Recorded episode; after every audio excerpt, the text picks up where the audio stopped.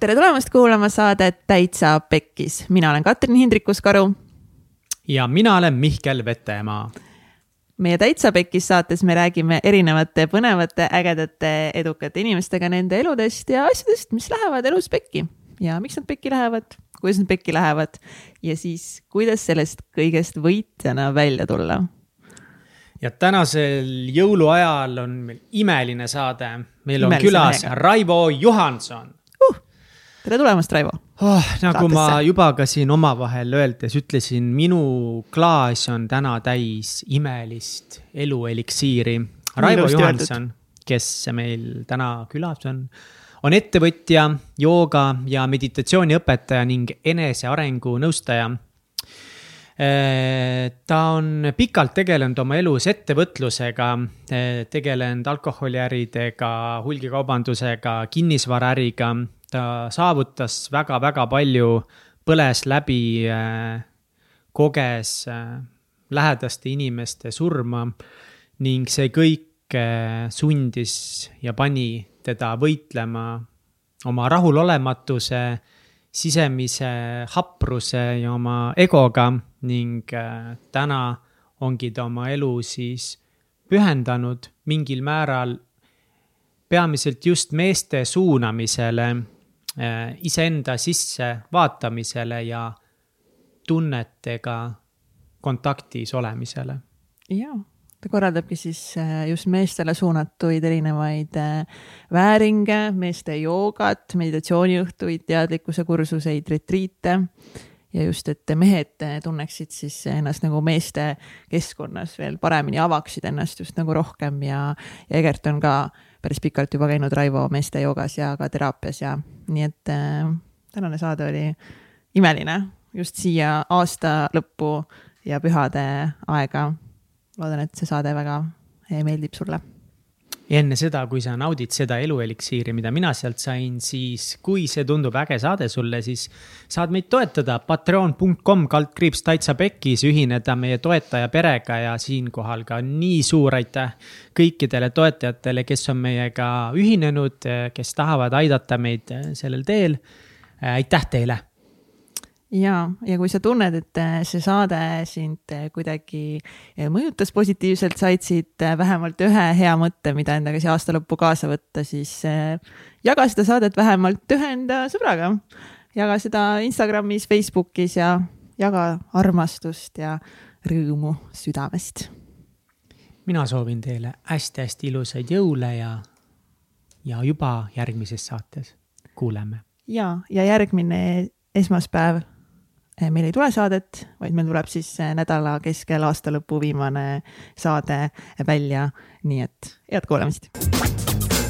tšau, Raivo. tere, tere, tere tulemast. tere tulemast uh,.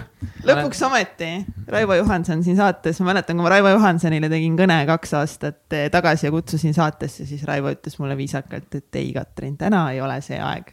ja nüüd kaks aastat hiljem me oleme siin ja ma usun, et täna on nagu kõige õigem aeg üldse, Raivo, kas sa oled nõus minuga? kuule, ma ei mäleta sulle, et ma oleks öelnud, et ma ei tule.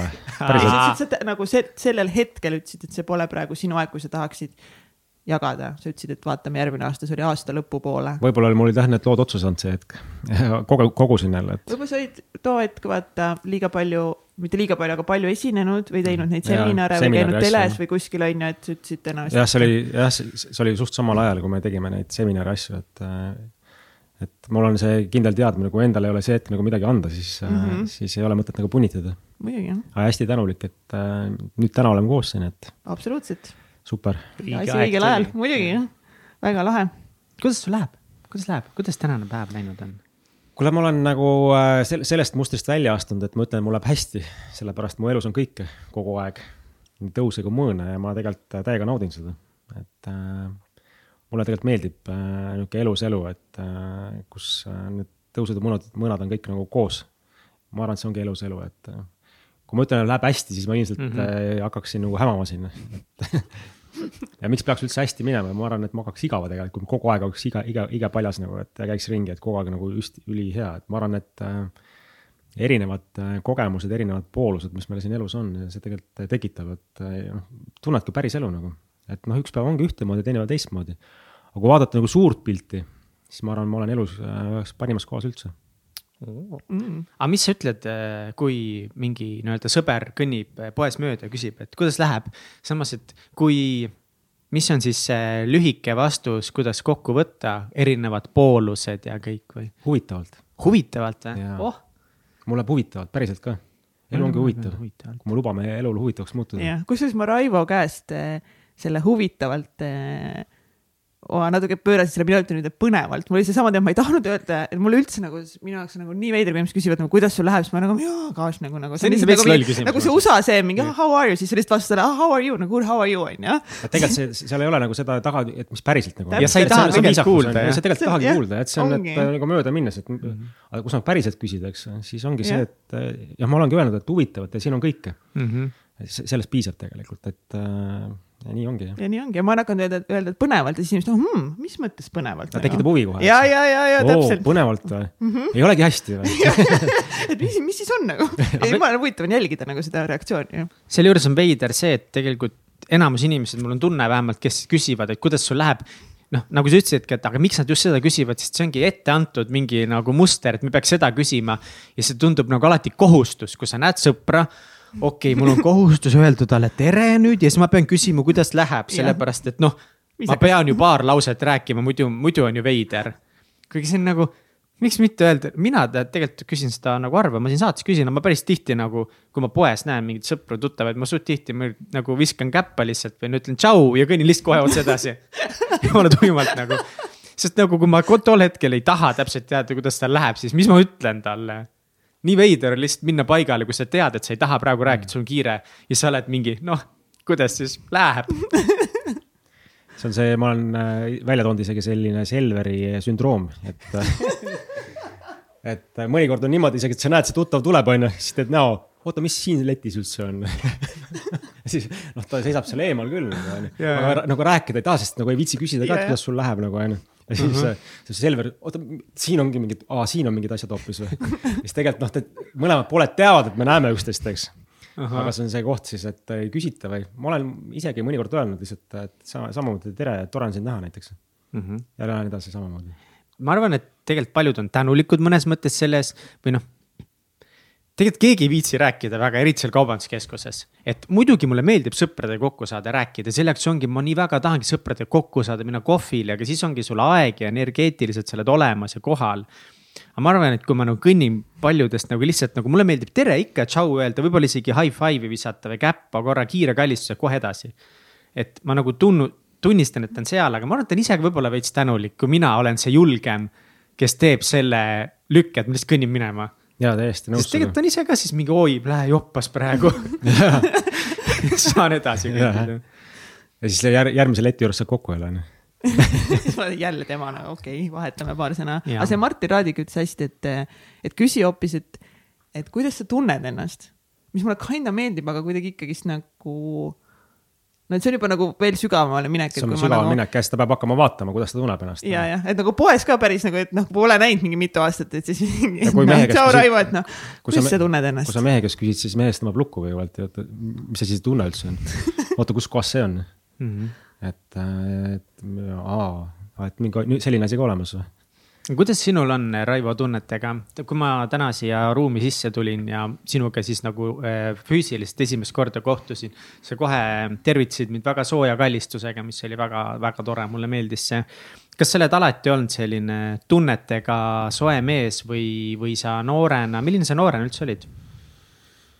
ma olen pigem olnud selline äh, ülitundlik, võiks öelda.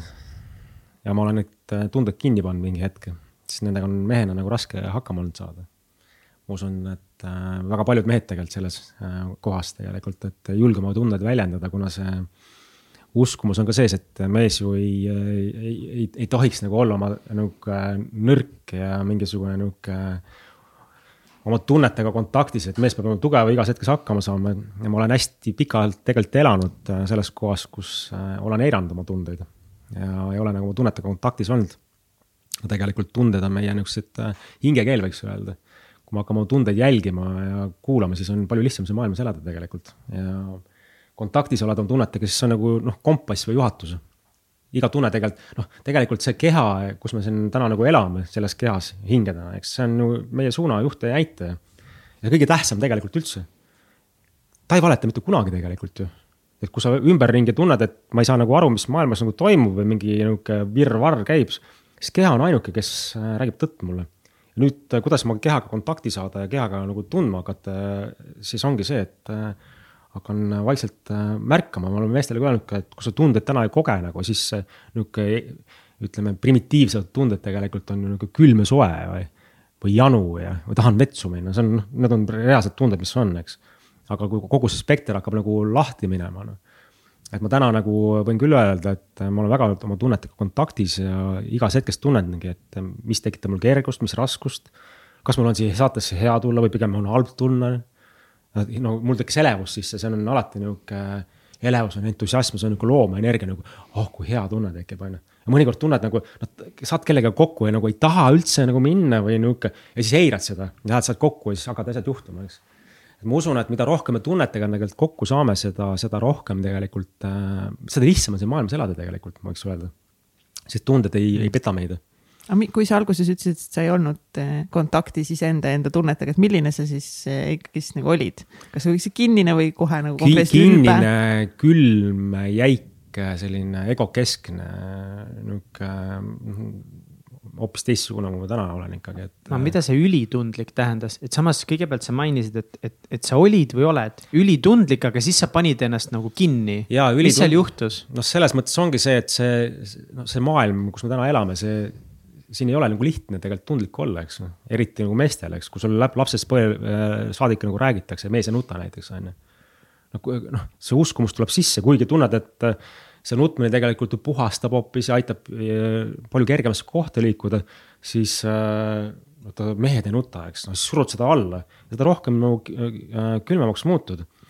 mingi moment ma hakkasin nagu mingid räigelt hakkasid nagu häirima nagu inimesed, kes olid sellised külmad ja jäigad ja kui ma ükskord läksin peegli ette, vaatasin, et eh, tegelikult ma, mina olengi see ise. sest välismaailmas peegeldab mind iseennast.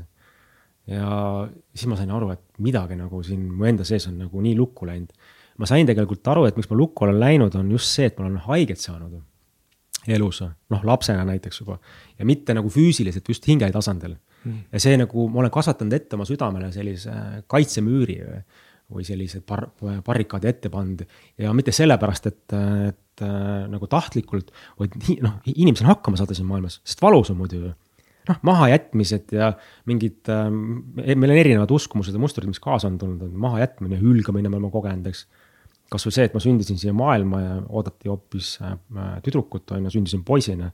see esimene ko kogemus, mis ma hingena kogesin, on see, et ma ei ole vastu võetud siia maailma kuidas see nagu nii-öelda manifesteerus nagu päris ellu see, et kas äh, sa kuulsid kõrvalt, kuidas su vanemad nagu rääkisid sellest nad ütlesid? jaa, vanemad on rääkinud, isegi on. kui sa, aga kui sa olid väike just äh,? Noh, väiksena ma sellest ei saa, ei saanudki aru, sest ma praegult olen oma, oma teadlikkuse juures äh, tervendanud oma lapsepõlvetraumasid.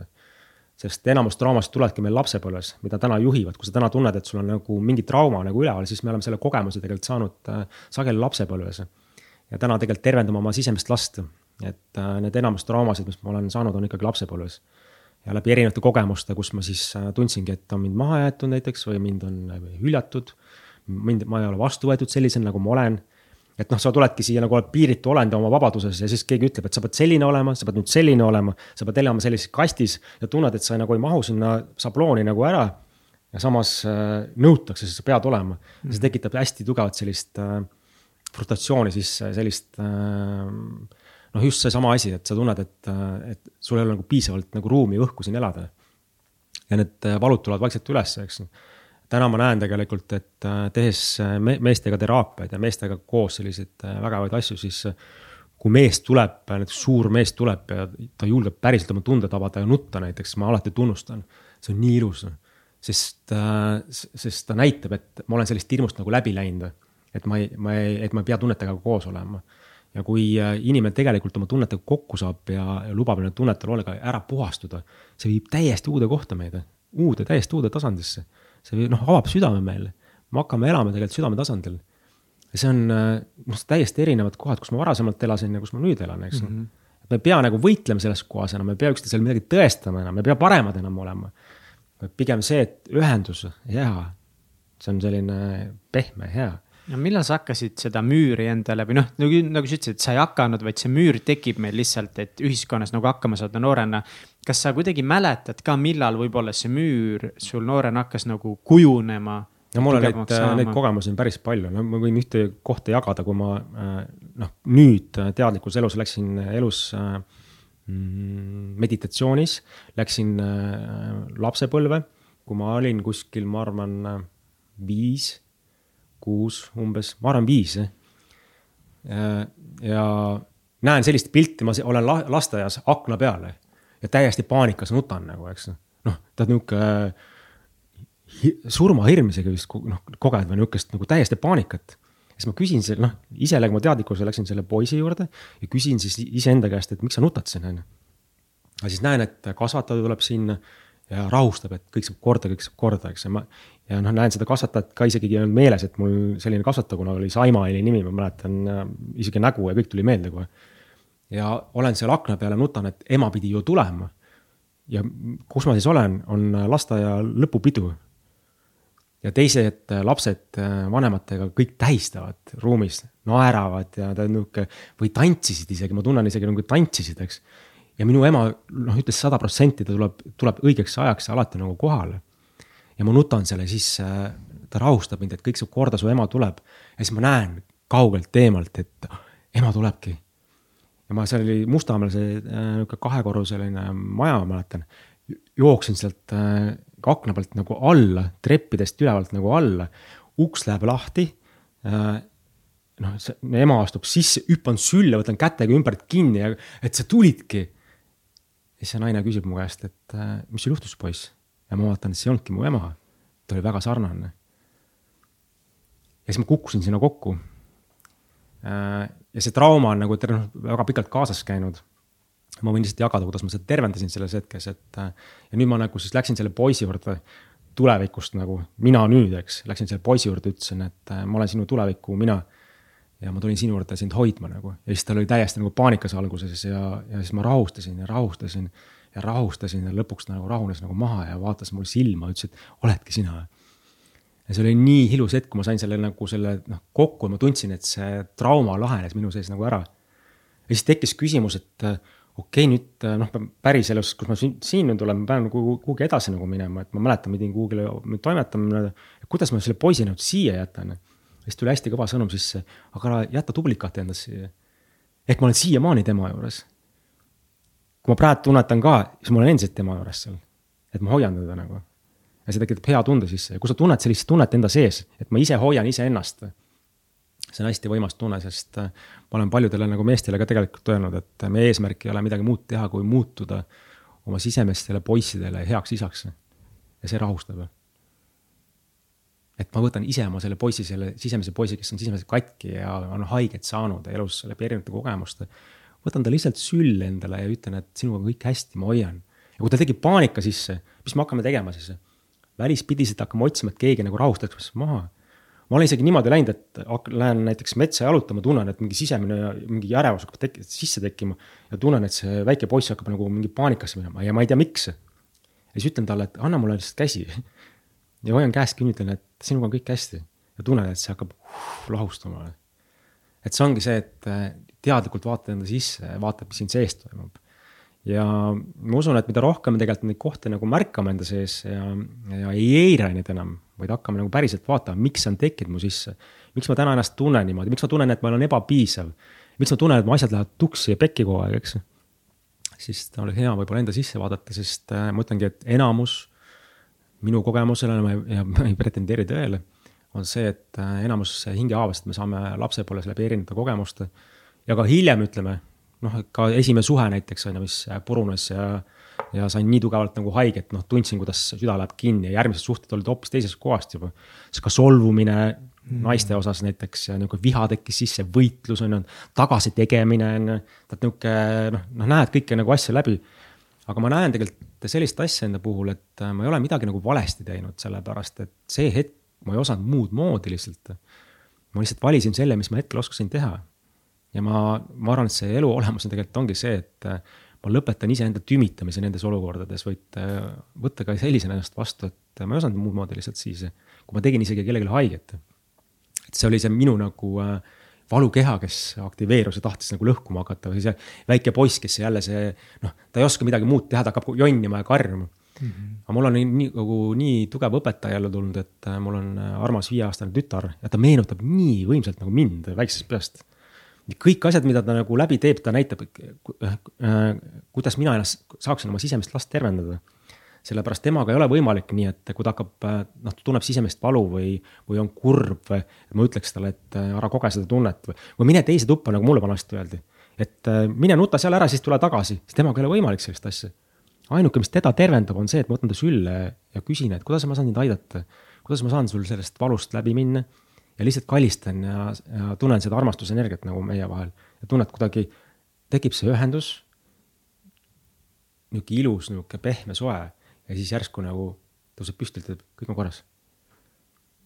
ja mida rohkem ma nagu ütlen, et kuule, jäta mind rahule, et äh, ära tüüta mind mm, -hmm. mine tee ise selle korda kuhugile, mängi iseendaga nagu onju, ei ole võimalik. ja ma näen tegelikult, ta õpetab mulle, et kui, kui mul tekib sisemise poisiga siin mingisugune protsess nagu, siis ma lähengi, võtan selle sisemise poisi nüüd sülle ja räägin samamoodi talle, et kuidas ma saan sind hetkel toetada. sa tunned hirmu või, ärevust või? Vau, see on okei okay. ja see on, seda luba tunda sellele, sellepärast et äh, kõik tunded on lubatud. me võime kõike tegelikult kogeda, viha, ärevust. ma näen enda puhul seda, et kui ma luban sellel tundel tulla ja luban sellele sisemisele poisile öeldagi, et jah, see on kurb, luba olla seal kurb, las see puhastub ära nagu, siis ta hajub. ja kui ma surun selle enda alla kuhugile ja ütlen, et ma ei tee sellest välja, lähen sellesse nihukesesse teise tasandisse, et hakkan seda äh, nagu tehislikult alla suruma see tekitab ebamugavust sisse ja ta elab, ta, ta tekitab nagu pesa mu sisse siia. aga Raivo, üks asi, millest äh, nagu nende, kuidas tunda? kuidas sa nagu tunned või kuidas, kuidas see käib? kuidas see käib või? jah, eriti kui need automaatsed süsteemid võib-olla, et mingid tunded alla suruda on näiteks niivõrd sisse harjutatud, niivõrd sisse kogetud, siis minu meelest vahepeal täiesti aus küsimus ongi see, aga kuidas see tundmine üldse käib? see käib äh, läbi sügava lõõgastuse, sügava rahu. ehk tunded äh, avanevad äh, läbi vaikuse tegelikult.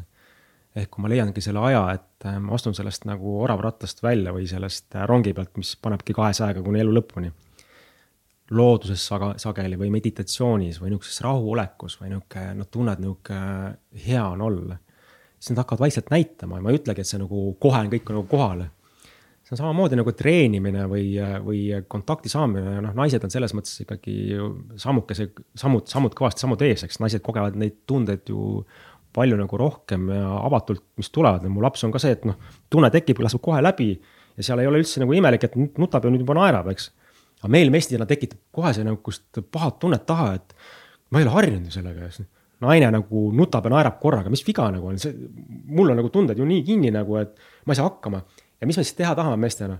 õpetama hakata neid kohe, kuidas sellest olukorrast välja tulla mm. -hmm. nüüd sa pead seda tegema, nüüd sa seda tegema, tema ei taha seda, tema tahab mm -hmm. oma tunded läbi elada ja öelda, et sa lihtsalt kohal hoia minu ruumi. või siis veel seda rääkida, et nagu miks, mis on kõik põhjused, miks seda tunnet tunda. ega mis sa tunned seda tunnet ju, see on ju nii ja see on ju niimoodi ja, ja ma olen ise avastanud, et ma olen küll Jeniga seda mitu korda vist teinud, aga ei ole ju põhjust tunda seda sellepärast ja sellepärast ja sellepärast mm. -hmm. aga noh, sest ma ei saa lihtsalt aru ma olen loll. ja võib-olla mitte loll, vaid sama asi, et, et äh, näed hetkel võib-olla niimoodi siis hoopis. aga tunnen, noh, samamoodi ma tegelikult ütlen, tekib emotsioonist, ma kogen seda siis läbi keha lihtsalt, eks. ta on lihtsalt üks energia, võiks öelda. talle, ta lahustub läbi selle, et ma luban ta endast läbi, mitte jätan endasse kinni. enamus haigused meil tekib tegelikult kehadesse see, et äh, ta teeb oma pesa siia kuhugi sisse, lõppes, lõpus väljendub ka läbi füüsilise keha meestel on nagu südamed nagu vaata see hingetasand eriti. ja ka eesnääre näiteks, mis on mehelikkusega seotud. Me löön oma energiat siia kinni nagu ja, ja ei luba nendel vabalt voolata, tekivad füüsilises kehas haigused meil ma natuke, kui ma kuulan sind rääkimas ja ma olen seda, ma alles nüüd saan aru, mis tunne see on, mida ma tunnen või kuidas see nagu, kuidas ma seda ette kujutan. kuulates sind ka rääkimas just kõigest sellest, mida sa räägid, ma natukese tunnen, et ma olen nagu äh, väike poiss kuskil aia taga. ja ma olen siukene suhteliselt nagu võib-olla õhtu on, võib-olla nagu hämar ja nagu tuuline, natukese pime. ja siis ma piilun üle selle aia. meeleheitlikult proovin üle aia näha ja ma olen elevil, mis seal teisel pool aeda on ja seal teisel pool aeda on nagu mäed ja ilus roheline ja sinine päikseline taevas. kuulan sind, ma tunnen ka, et ma olen nagu see väike poiss, mõtlen, issand, seal on küll nii lahe, seal on nii vinge, seal on nii ilus ja kuidas sinna nagu saab, aga ma tunnen, et nagu nii mitu korda, et ma nagu kuulen kõiki neid, neid mõtteid, ideid, aga ma iga kord olen ikkagi seal samas kohas, ma tunnen, ma olen seal aia taga vaikselt nagu ühe silmaga napilt näen üle selle aia kuidas üld-, võib-olla ma tahangi enne, kui me veel nagu lähme kõigi nende küsimustega veel rohkem tiipi, et kuidas sinu see teekond algas sellest üle selle aia saamisega? Mul on üldse olnud hästi selline huvitav elu tegelikult, et hästi mm, palju selliseid raputajaid on elus olnud. et äh, mm, mul on kaks väga lähedast inimest siit elust lahkunud. kui ma olin kahekümnendates äh,, mul oli tütar, kes oli siis kaheaastane, siis äh, mul sai naine autos õnnetuses surma. ja see oli nagu minu jaoks nagu niivõrd katastroofiline nagu äh, noh, pauk elus. et äh, ma jäin nagu tütrega kahekesi ja ma olin ise vist siis kakskümmend kaks või kakskümmend kolm. ja noh, ma, ma, ma olin poiss, poisike tegelikult, noh, ma ei olnud isegi oma arengus, mehe, mehelikus arengus staadiumis kuhugi jõudnudki veel. alles mingi koolid lõpetanud ja siis jääd nagu jääd tütrega kahekesi, eks ja ma näen, ma mäletan, et see oli nagu minu jaoks nii tugev nagu trauma või niivõrd tugev selline valu, et ma ei osanud sellega nagu hakkama saada. mis ma siis tegema hakkasin, oli see, et ma hakkasin otsima põgenemisteide. see oli töö tegemine, see oli alkohol, noh peaasi, et ma nagu ei koge seda, mis tegelikult on. ja ma olen selle teise, noh teine, noh seda leina nagu olemust nagu selles mõttes aru saanud, et leina eest ei ole võimalik ära põgeneda Leino, leina olemus tegelikult ongi see, et no sa küsisid, kuidas tunded avanevad, et avada meie sees oma tunded tegelikult, kogu spektri. ja siin on kõik nagu olemas, siin on viha, siin on solvumine, siin on kergus, siin on rõõm, siin on kõik asjad nagu kogu aeg nagu nähtaval. Ja siis ma, mis ma teha soovisingi, oli see, et mitte neid kogeda, vaid põgeneda seda. ja see jälitas mind kogu aeg ja siis ma otsisin seda alkoholist äh, leevendust ja siis tundsingi, et ma saan noh, sellest valust nagu mingi hetk nagu korraks nagu eemale. ma tegin tööd nii kõvasti, et mitte nagu seda kogeda, eks. ja ma sain aru, et äh, seda ei ole võimalik nagu ära põgeneda. ja, ja, ja noh, teinekord äh, kaks tuhat neliteist mul läks tütar siit maailmast ära oma hinge koju. Seesama tütar, kellega ma siis kaheaastaselt koos olin, ehk ta siis oli kahekümne kolme aastane ja see oli see koht, mis mind raputas nagu täiesti lahti. ja ma olen näinud tegelikult, et need kohad minu elus äh,. algselt ma läksin selliste ohvri rolli, hakkasin kõiki süüdistama, et minu elu on nii raske ja nii vastik ja. ja teistel on elu palju lihtsam ja kergem, on ju, ja kõik on, kõik, kõigile, mina olen see ainuke, kes seda valu kogeb.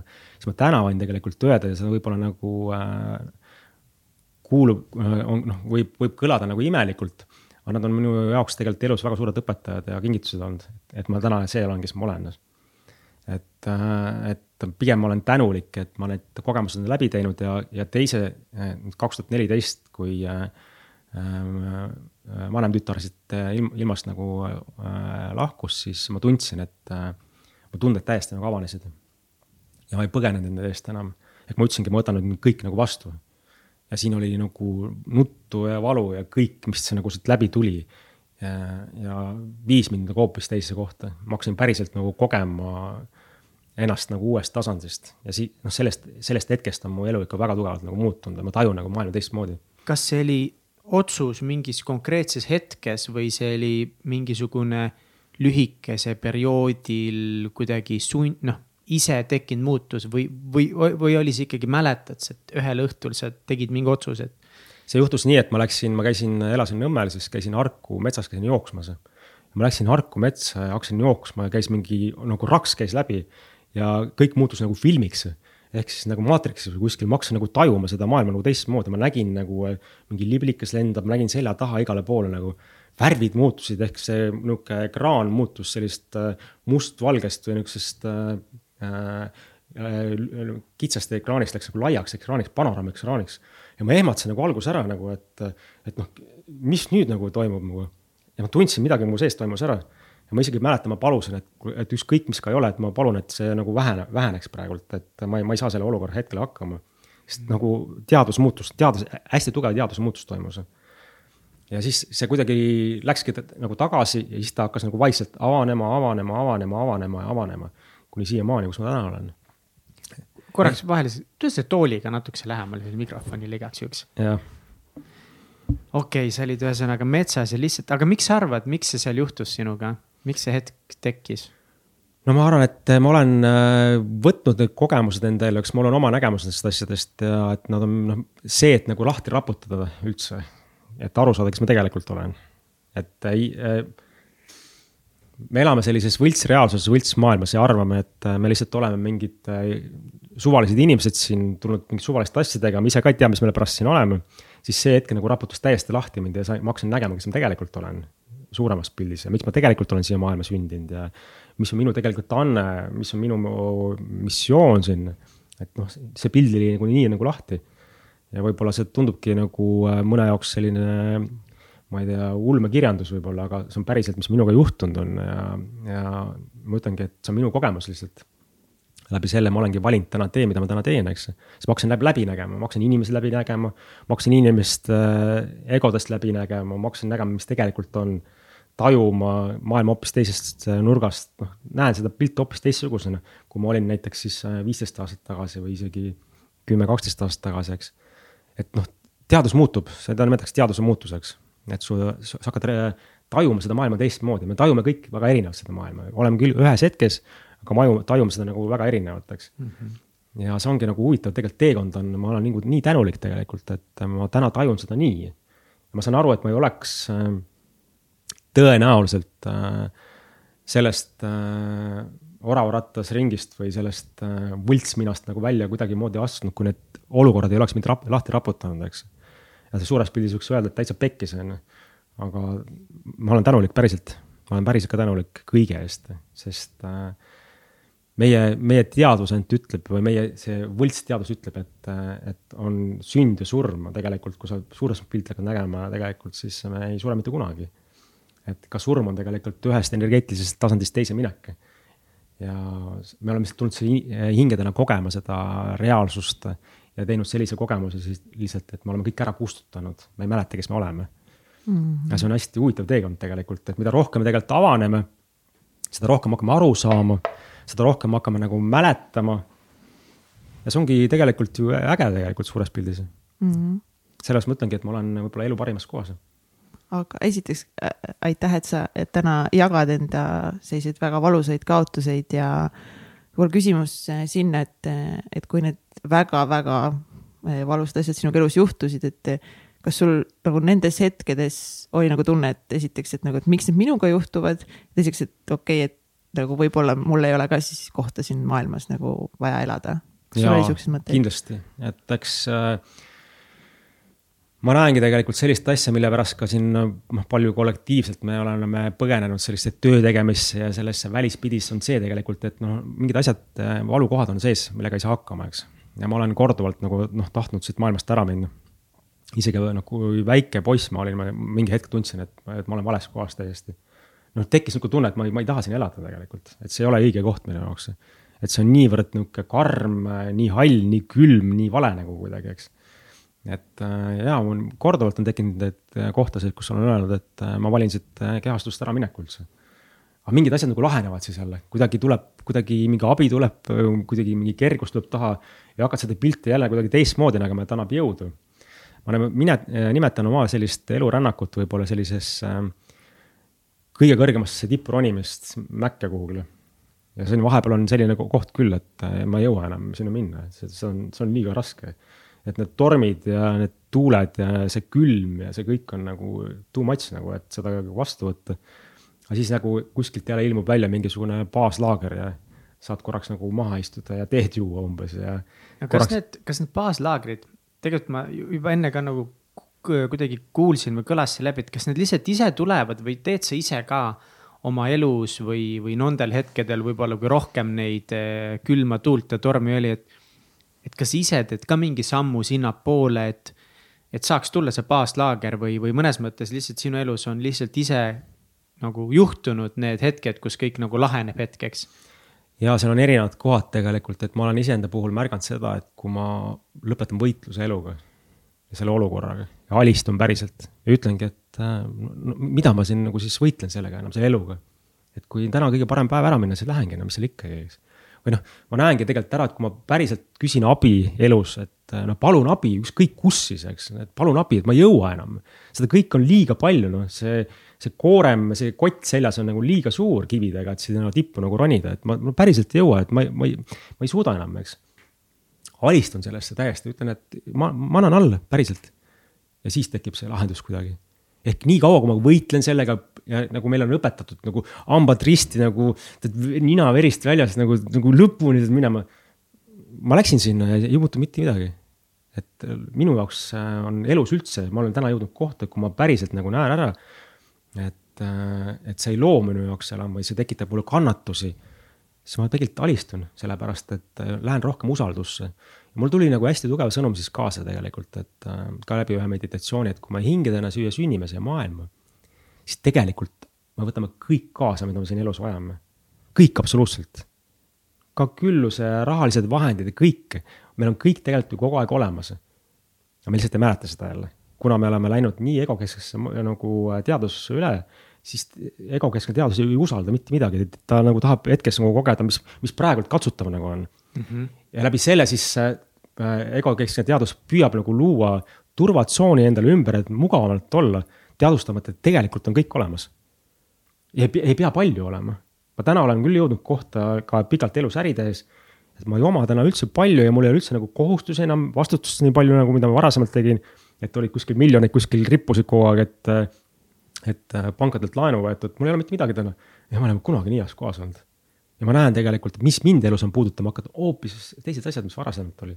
võib-olla sama, et see viieaastane tütar tuleb ja teeb pai mulle ja ütleb päriselt armastada. vanasti ma ei kuulnudki seda. päriselt nagu näengi, et noh, vaatad silma või koged, noh, kasvõi teiega koos olles, ma näen teid, ma ei ole kuskil ära, ma olen siin praegult. ja see tekitab ka tänulikkuse, tänulikkuse tegelikult, eks vanasti ma tulin lihtsalt oma lugu esinema siia, eks noh. ma isegi ei pannud tähele, kes mul siin ruumis olid ja, ja, ja nihuke niivõrd egos olin. aga ma tunnistan seda ja, ja ma ei ütle, et see vale tegelikult jälle on. sellepärast, et see mm, minu meelest see sõnum tegelikult ongi see, et äh, elus ei olegi nagu vale, valesid kohtasid või võib-olla see iseenda aktsepteerimine ja teadvustamine, et äh, ka see on vajalik olnud mu elus.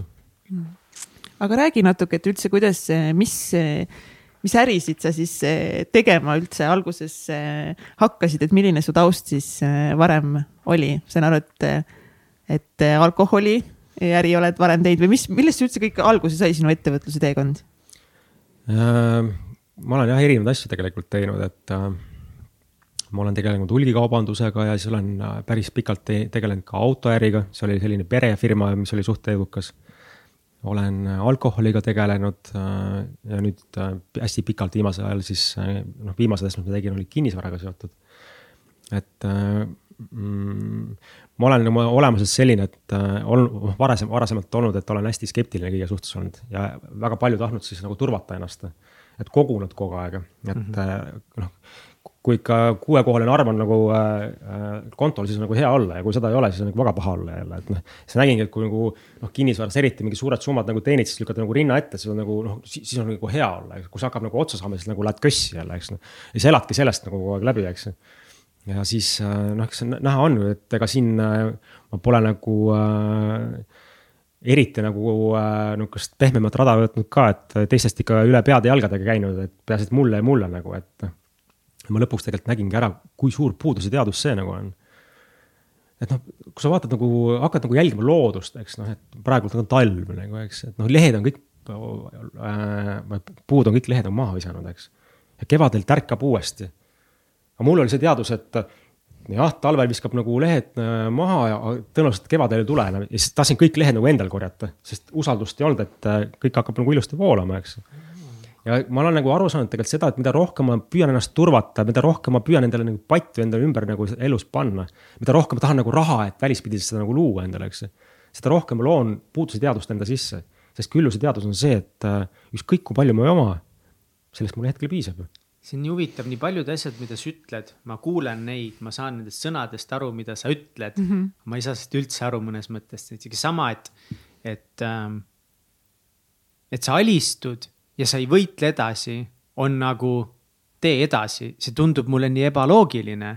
kui me oleme ju raskes kohas või me tahame edasi pürgida, siis ma peangi just, ma ei tea, rutiinid paremaks tegema, toitumise korda, keha tugevaks, sammuda edasi läbi muda ja ja kui tulevikku vaadata, siis ma pigem peakski tegema neli erinevat fondi, SOS fond, investeerimise fond, kodufond, autoremondifond kõrvale, sellepärast et kui mu auto katki läheb, ma pean kindel olema, et siis mul on ju võimalik seda lubada.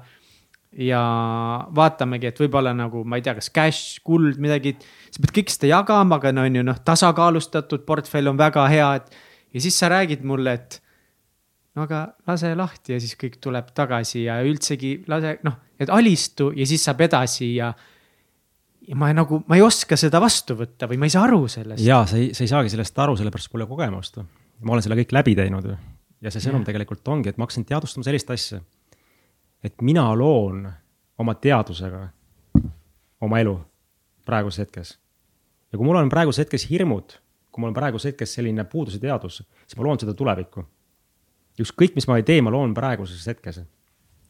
kuidas sellest nagu, nagu hakata nagu märkama seda, et, et ma loon seda nagu puudust, puuduse teadvust, on see, et see, mida ma täna nagu kogen, see on minu enda looming tegelikult elust.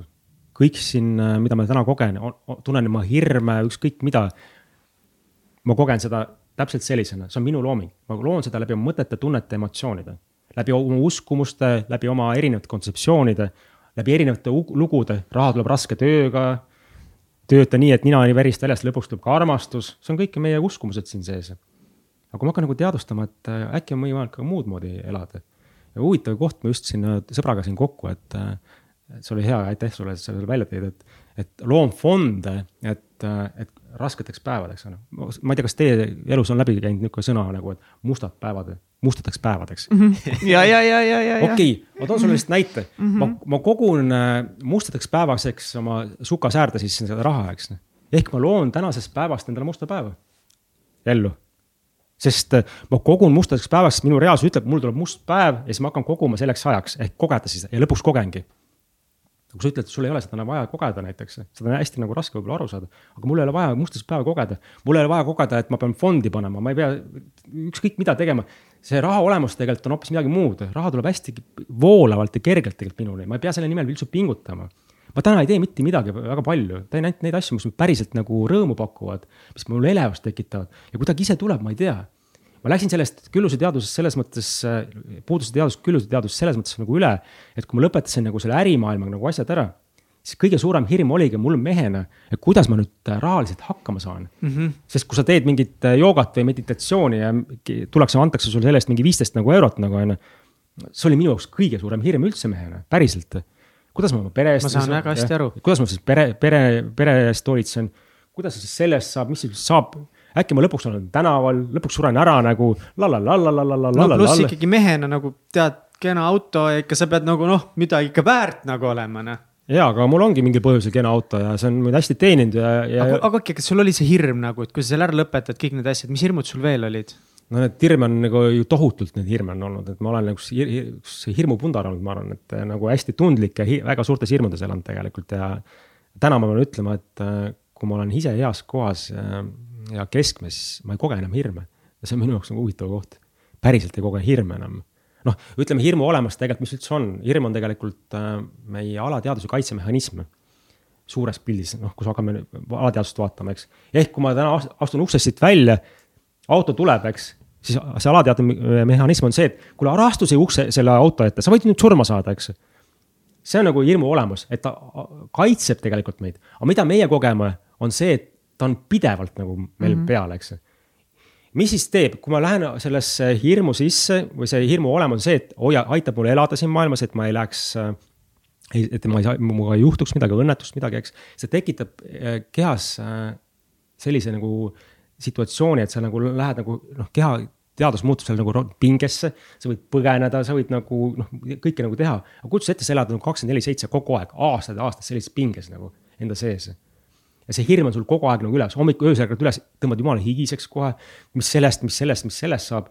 ehk need hirmud, mida täna kogeme, tegelikult ei ole neid olemas, need on tulnud äh, läbi uskumuste, need on tulnud läbi kollektiivteaduse, ühisteaduse. et sageli me ei koge iseenda hirme, vaid see, mis on mm. nagu noh, väga paljud inimesed, kes on tundlikuks muutunud, ongi öelnud, et äh, ma ei saa linnas näiteks enam elada, sest äh, kogu aeg tunnen midagi, noh, väga tugevalt tunnen. ja ma hakkasin iseenda puhul samamoodi nägema, et see ei ole minuga seotud. See hirm, mida ma hetkel kogen, see ei ole minuga seotud. ja kujuta ette, sa elad kogu aeg. et ükskõik kui palju, ma jõudsingi lõpuks kohta, et ükskõik kui palju ma tegin. mul oli Kakumäel maja, mitu autot oli maja ees, piisavalt raha konto peal, kogu aeg nihuke tunne, et nagu noh, julm hirm, et mis saab julm hirm ja mida rohkem ma pingutasin, seda rohkem see hirm nagu muutus minu jaoks, eks. kui lõpuks siis juhtus, juhtuski need asjad, mis tõid nähtavaks selle, et see oli kõik illusioon. see oli päriselt. mis mõttes? Mis juhtus või mis asja? no ütleme, et needsamad, isegi mu tütar sealt maailmast ära läks, raksakas käis nagu sees ära. ma nägin selle, mida ma lõin, oli tegelikult illusioon. see oli mingisugune illusioon, milles ma elasin. et äh, asjad on nagu niimoodi ja ma, ma täiesti mõistan, et seda on nagu hästi raske võib-olla vastu võtta, kui ei ole nagu kogemust. aga ma, kui sa nagu kujustad seda ette, et, et me olemegi siia sündinud inimestena nagu elukooli ja kõik need kogemused, esimene, teine, kolmas klass on, kõik need kogemused on vajalikud. ka see, see koht on vajalik tegelikult, et ma ei saa mitte millestki nagu aru, sest kui sa teise klassi õpilaselt küsid, et kuule, et äh, räägi Pythagorase teoreemist on ju. kuule, ma ei saa mitte millestki aru, mida sa räägid, siis on see koht, et aga mis siis, kui ma olengi täiesti õiges kohas praegult ja ma ei peagi midagi muutma ego ainult ütleb, et ma tahaks kohe nagu kõik selgeks saada. mul oleks kõik nagu yeah. sekundiga olemas. Fa-fa, ma oleks valgustunud ja siis mul oleks nagu miljonid ja triljonid ja siis ma saaks stopp, igavaks läheb tegelikult on ju. kui me selle kohe nagu hetkega selgeks saame, siis ei ole me siin maailmas mitte midagi teha enam. ehk tegelikult sõnum on see, et me ei peagi kuhugi nagu jõudma A punktist B. vaid hetk siin on kõige ilusam ja parem meelt meelevus, et kogeda ja. seda nüüd praegult. ja pluss ongi nagu kogu see teekond nagu jõudmaks, vaat sinna, see oli nii, nii hea, mis sa ütlesid nagu täpselt kuskilt ka kuulsin seda, et kui sa praegu nagu, nagu kõik, mis sa unistad, kõik finantsid, kõik asjad, kui sa kõik need korraga saaksid nagu tänasel päeval endale nagu, siis sa oleksid lihtsalt nagu mingi mida fuck'i nagu, sa ei oskaks mitte midagi nagu teha nende asjade, kõikide oma unistuste, noh, mis iganes need sinul on. Versus see, et sa nagu kasvad sinna nagu, kuhu sa nagu tahad oma teaduse, mis iganes asjadega elus jõuda nagu versus, et sa kohe nagu kõik plaksust nagu lihtsalt saadki endale. et see ongi sihuke nagu mõnus sihuke teekond, ma arvan, nagu täpselt nagu sa ka ütlesid, et mingid asjad nagu juhtuvad sinu elus põhjusega ja siis sa kasvad ja läbi nende kogemuste jah, võib-olla see sõnum ka tegelikult, mida ma olen ise lugenud, et kui sa elad nagu puuduse teaduses, on tehtud isegi selline võib-olla eksperiment, et need inimesed, kes täna omavad nagu noh, maailmas viis protsenti, noh, praktiliselt kogu, kogu maailma vara. kui see vara täna võtta ja jaotada kõikide inimeste vahel võrdselt ära anda sulle, mulle ja kõigile anda nagu täpselt ühepalju. siis läheb kuni pool aastat või aasta aega, see olukord on jälle sama nagu varasemalt oli. ja mul on hea näide veel see, et kui ma lihtsalt lugesin siin äh, kaks tuhat viisteist vist äh, Taanis üks äh, naisterahvas võitis lotoga mingi kaks-kolm miljonit eurot vist on ju. siis ta läks nagu nii paanikasse sellest ja noh, kõik tulid siis anname, toeta mind ja toeta mm. mind. tal tekitas nii tugevat segadusse, et ta lihtsalt nagu jaotas selle raha laiali ära, ütles, et ja viimase sada eurot andis ära, ütles, et no nüüd ma olen jälle mm. rahus tagasi. ehk ma enda puhul näen tegelikult sellist asja, kui ma oleks äh, äh varasemalt oma ebateadlikkusega veel suuremaid summasid äh, tõenäoliselt teeninud. veel rohkem äh, noh, seda niinimetatud äh, rikkust endale sisse tõmmanud. võib-olla mind ei olekski täna siin, mhm. võib-olla oleks veel rohkem jooma hakanud ja võib-olla veel rohkem paugutanud ja laamendanud, sest mul, mul, mul oli ju elu küll selline, et noh, raha tuli rohkem peale, kui jõudsin nagu kulutada, eks. ja peod olid ikkagi kogu aeg reaalselt kogu aeg ikka kaks-kolm päeva käisid vahepeal, eks. noh, ma olin ikka sellises kohas ka ära käinud. ma täna näen, et see mul nii vajalik tegelikult see kogemus olnud, et ma selles kohas ära teinud, siis ma rohkem ei vaja seda see on ka lihtsalt kogemus. täna ma ei ütle, et ma, ma pole juba noh, vähemalt mingi seitse-kaheksa aastat alkoholi üldse tarbinud.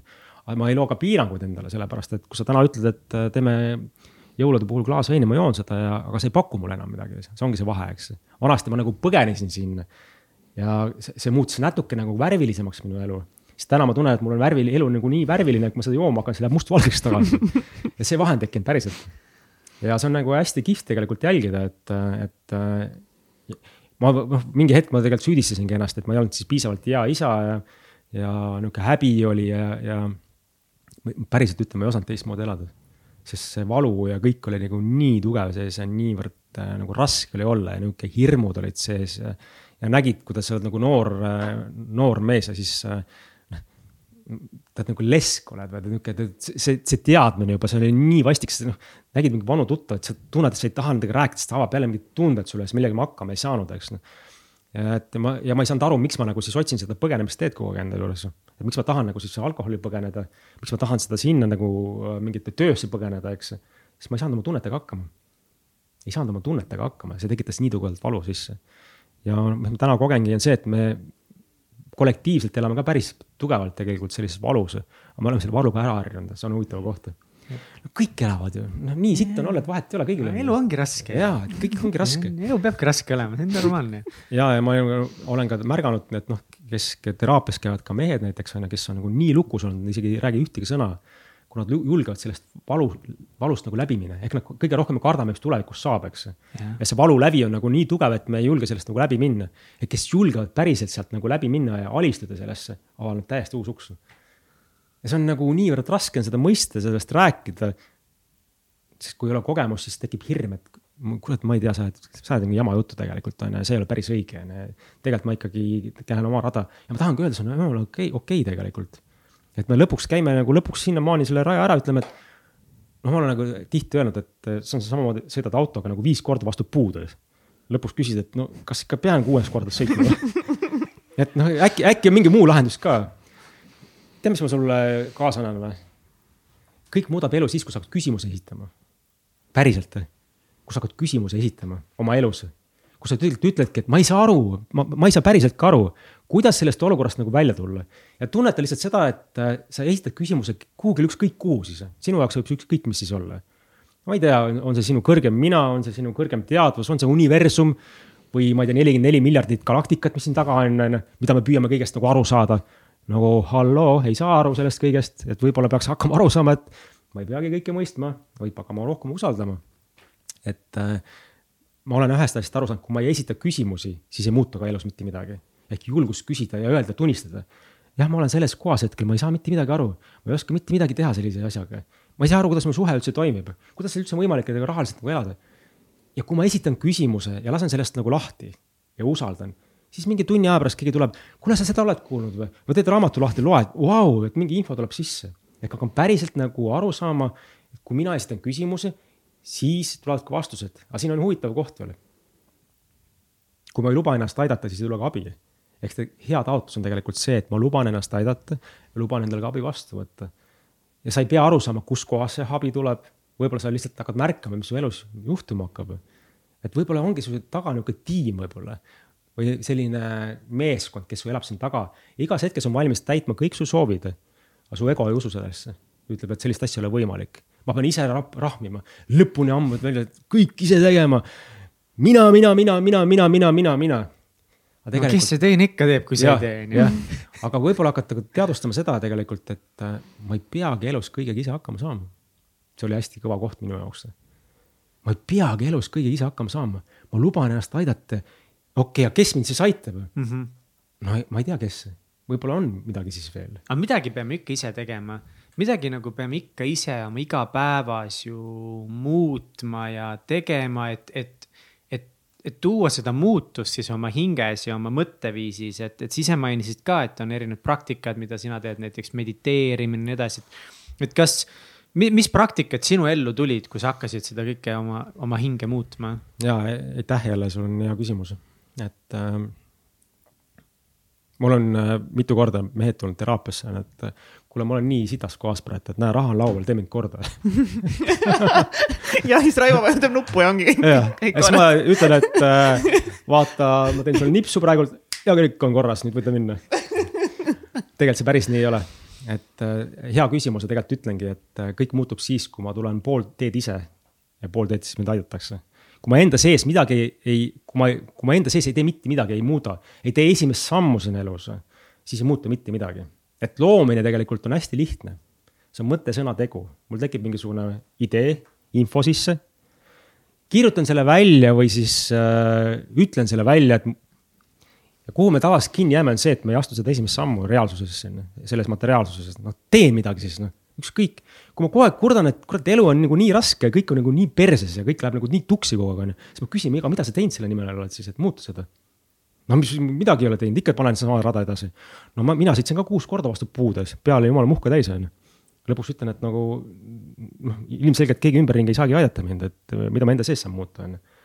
Ja ma usun, et see teekond, kui ma hakkan taotluse tegemagi endale või nagu küsimuse esitama, et kuule, aga halloo, mis nagu toimub, on ju, mul on kõik olemas, mul on imeline naine, mul on imeline kodu, on ju, ma olen jumala rahulolematu.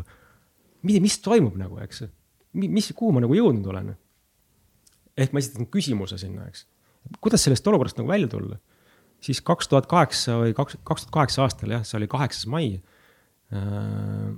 mu äripartner lihtsalt ütles, et kuule, et äh, ma olin enne seda mingit kirjandust lugenud juba, kaks tuhat viis lugesin äh, läbi Ehar Tolle Siin ja praegu, eks.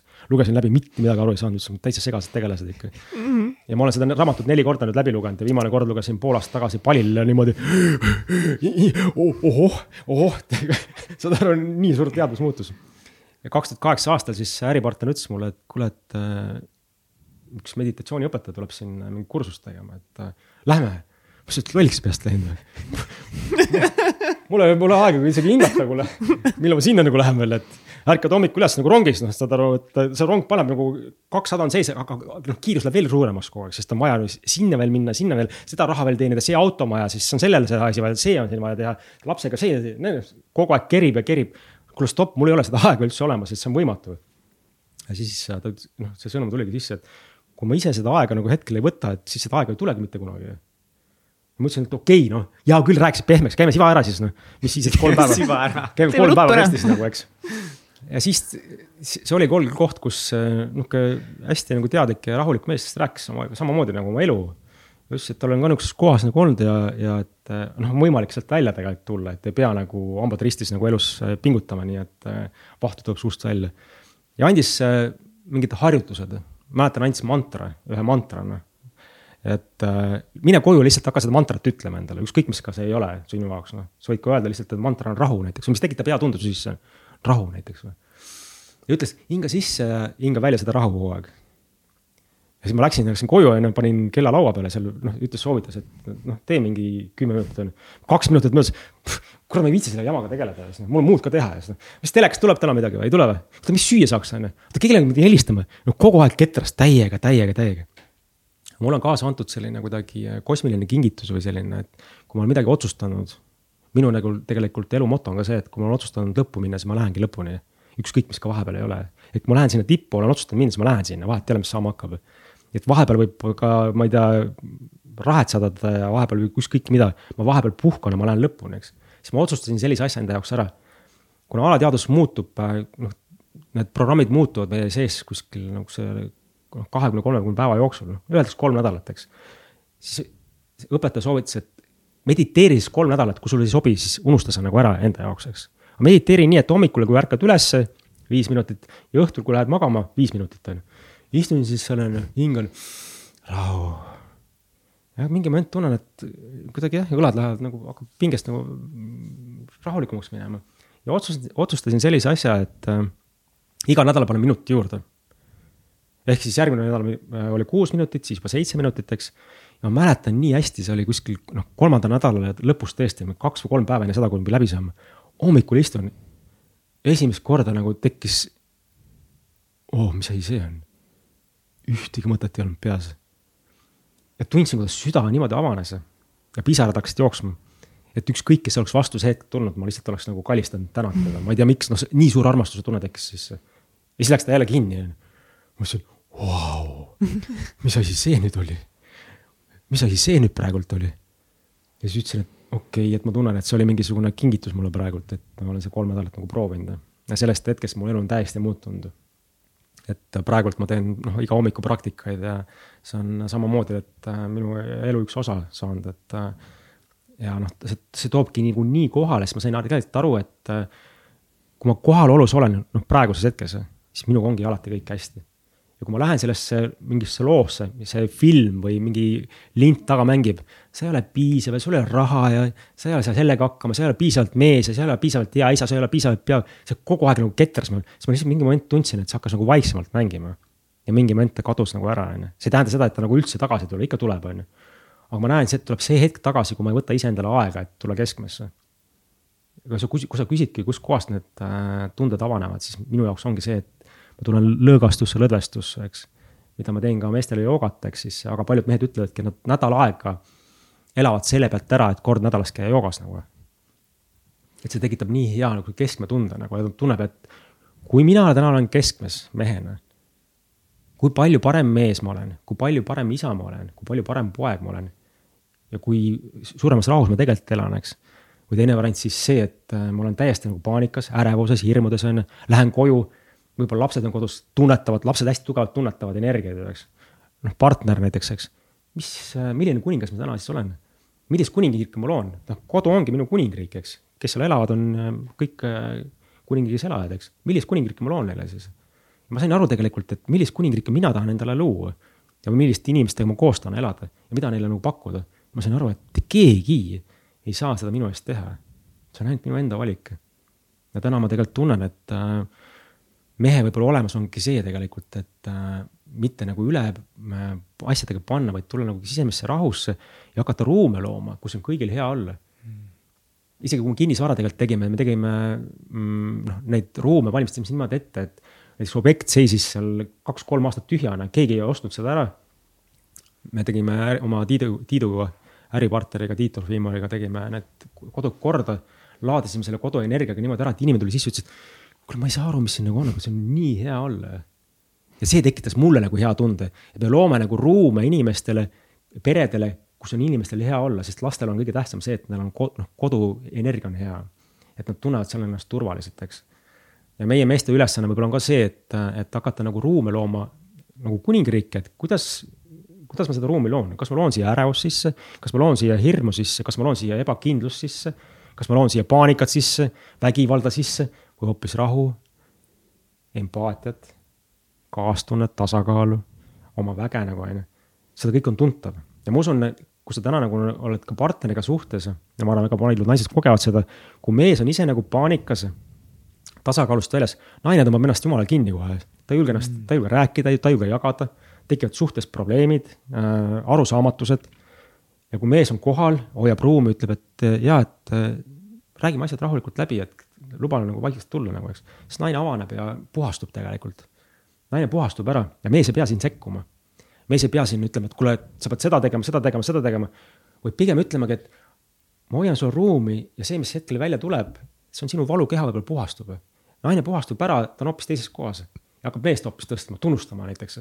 aitäh, sa mulle selle ruumi hoidsid, ma olen hoopis paremas kohas ja see on nagu koostöö tegelikult.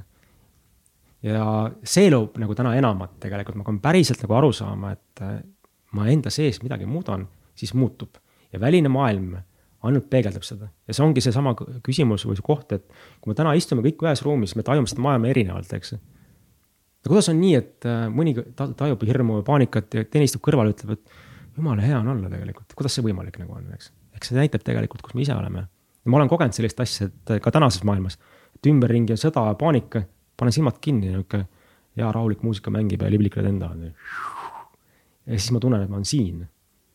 ja usu mind, et kui sa päriselt oled kohal siin ruumis või noh, iseendaga koos, siis kõik see hirmuprogrammid kõik hajuvad. sa saad aru, et sinuga on kõik hästi. veri voolab, naeratad, päriselt näed silmadesse hinge tasandil. oled kontaktis, ei pea siin midagi tõestama enam, kellelegi midagi nagu näitama. milleks, kellele üldse, miks ma peaks kedagi tõestama? Sest me tegelikult ju oleme kõik omavahel ühenduses, ma lihtsalt ei mäleta seda. Noh. ja see on nagu huvitav koht, et äh, need prioriteedid muutuvad, aga ma olen äh, hästi nõus jälle sellega, et kui mul ei oleks neid kogemusi olnud, kus ma nagu sõitsin tangiga teistest inimestest üle, et raha nimel, vahet ei olnud sõpradelt äh,, võtsin raha ja ei maksnud tagasi ja jama, üldiselt jamaga tegelesin, kõik selleks, et lõpuks seda taibata. ma arvan, et nagu kõigi elud, noh, kõigi see elutee siiamaani on olnud erinev, kes oli tank, kes oli lennuk, on ju et äh, aga võib-olla see ongi see tõde, mida me peame ise aru saama, et ükskõik, mis seal oli, see ongi olnud selleks, et meid kuidagi tuua siia või tuua sellesse saatesse täna meid või seda kuulama. aga, aga see hirm on ikkagi nagu päris suur ja, ja kõige naljakam on või kõige paradoksaalsem on see, et. et minul vähemalt on ka see hirm, et äkki ma nii-öelda hakkangi paremini tundma või äkki ma muutungi rahulikuks, et, et ma isegi kardan seda, et äkki nagu see mingi teatud tunne lähebki paremaks äkki ma siis tahangi vähem.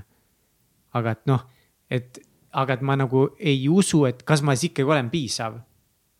et nagu, et mõnes mõttes nagu, mida sa räägid ka on see, et, et, et sa ei ole inimene, kes istub nagu kuskil magamistoas ja vahib lakke päev läbi, vaid sa teed palju, sa aitad inimesi ja, ja kõik see tundubki nagu õige ja võimalik, aga samal ajal ma nagu enda sees tunnen, et aga äkki, kui ma teen rahu kõigega ja iseendaga ja et aga et äkki siis ma olen nagu jube rahulik poiss, aga tegelikult pole üldse piisav maailma jaoks või ma ei tea, kas sa saad aru, mis ma mõtlen. et äkki sa saan... siis ei saavuta sa enda neid nii-öelda neid unistusi, mis sa oled endale nagu pannud, on ju, neid, neid, mis sa panid.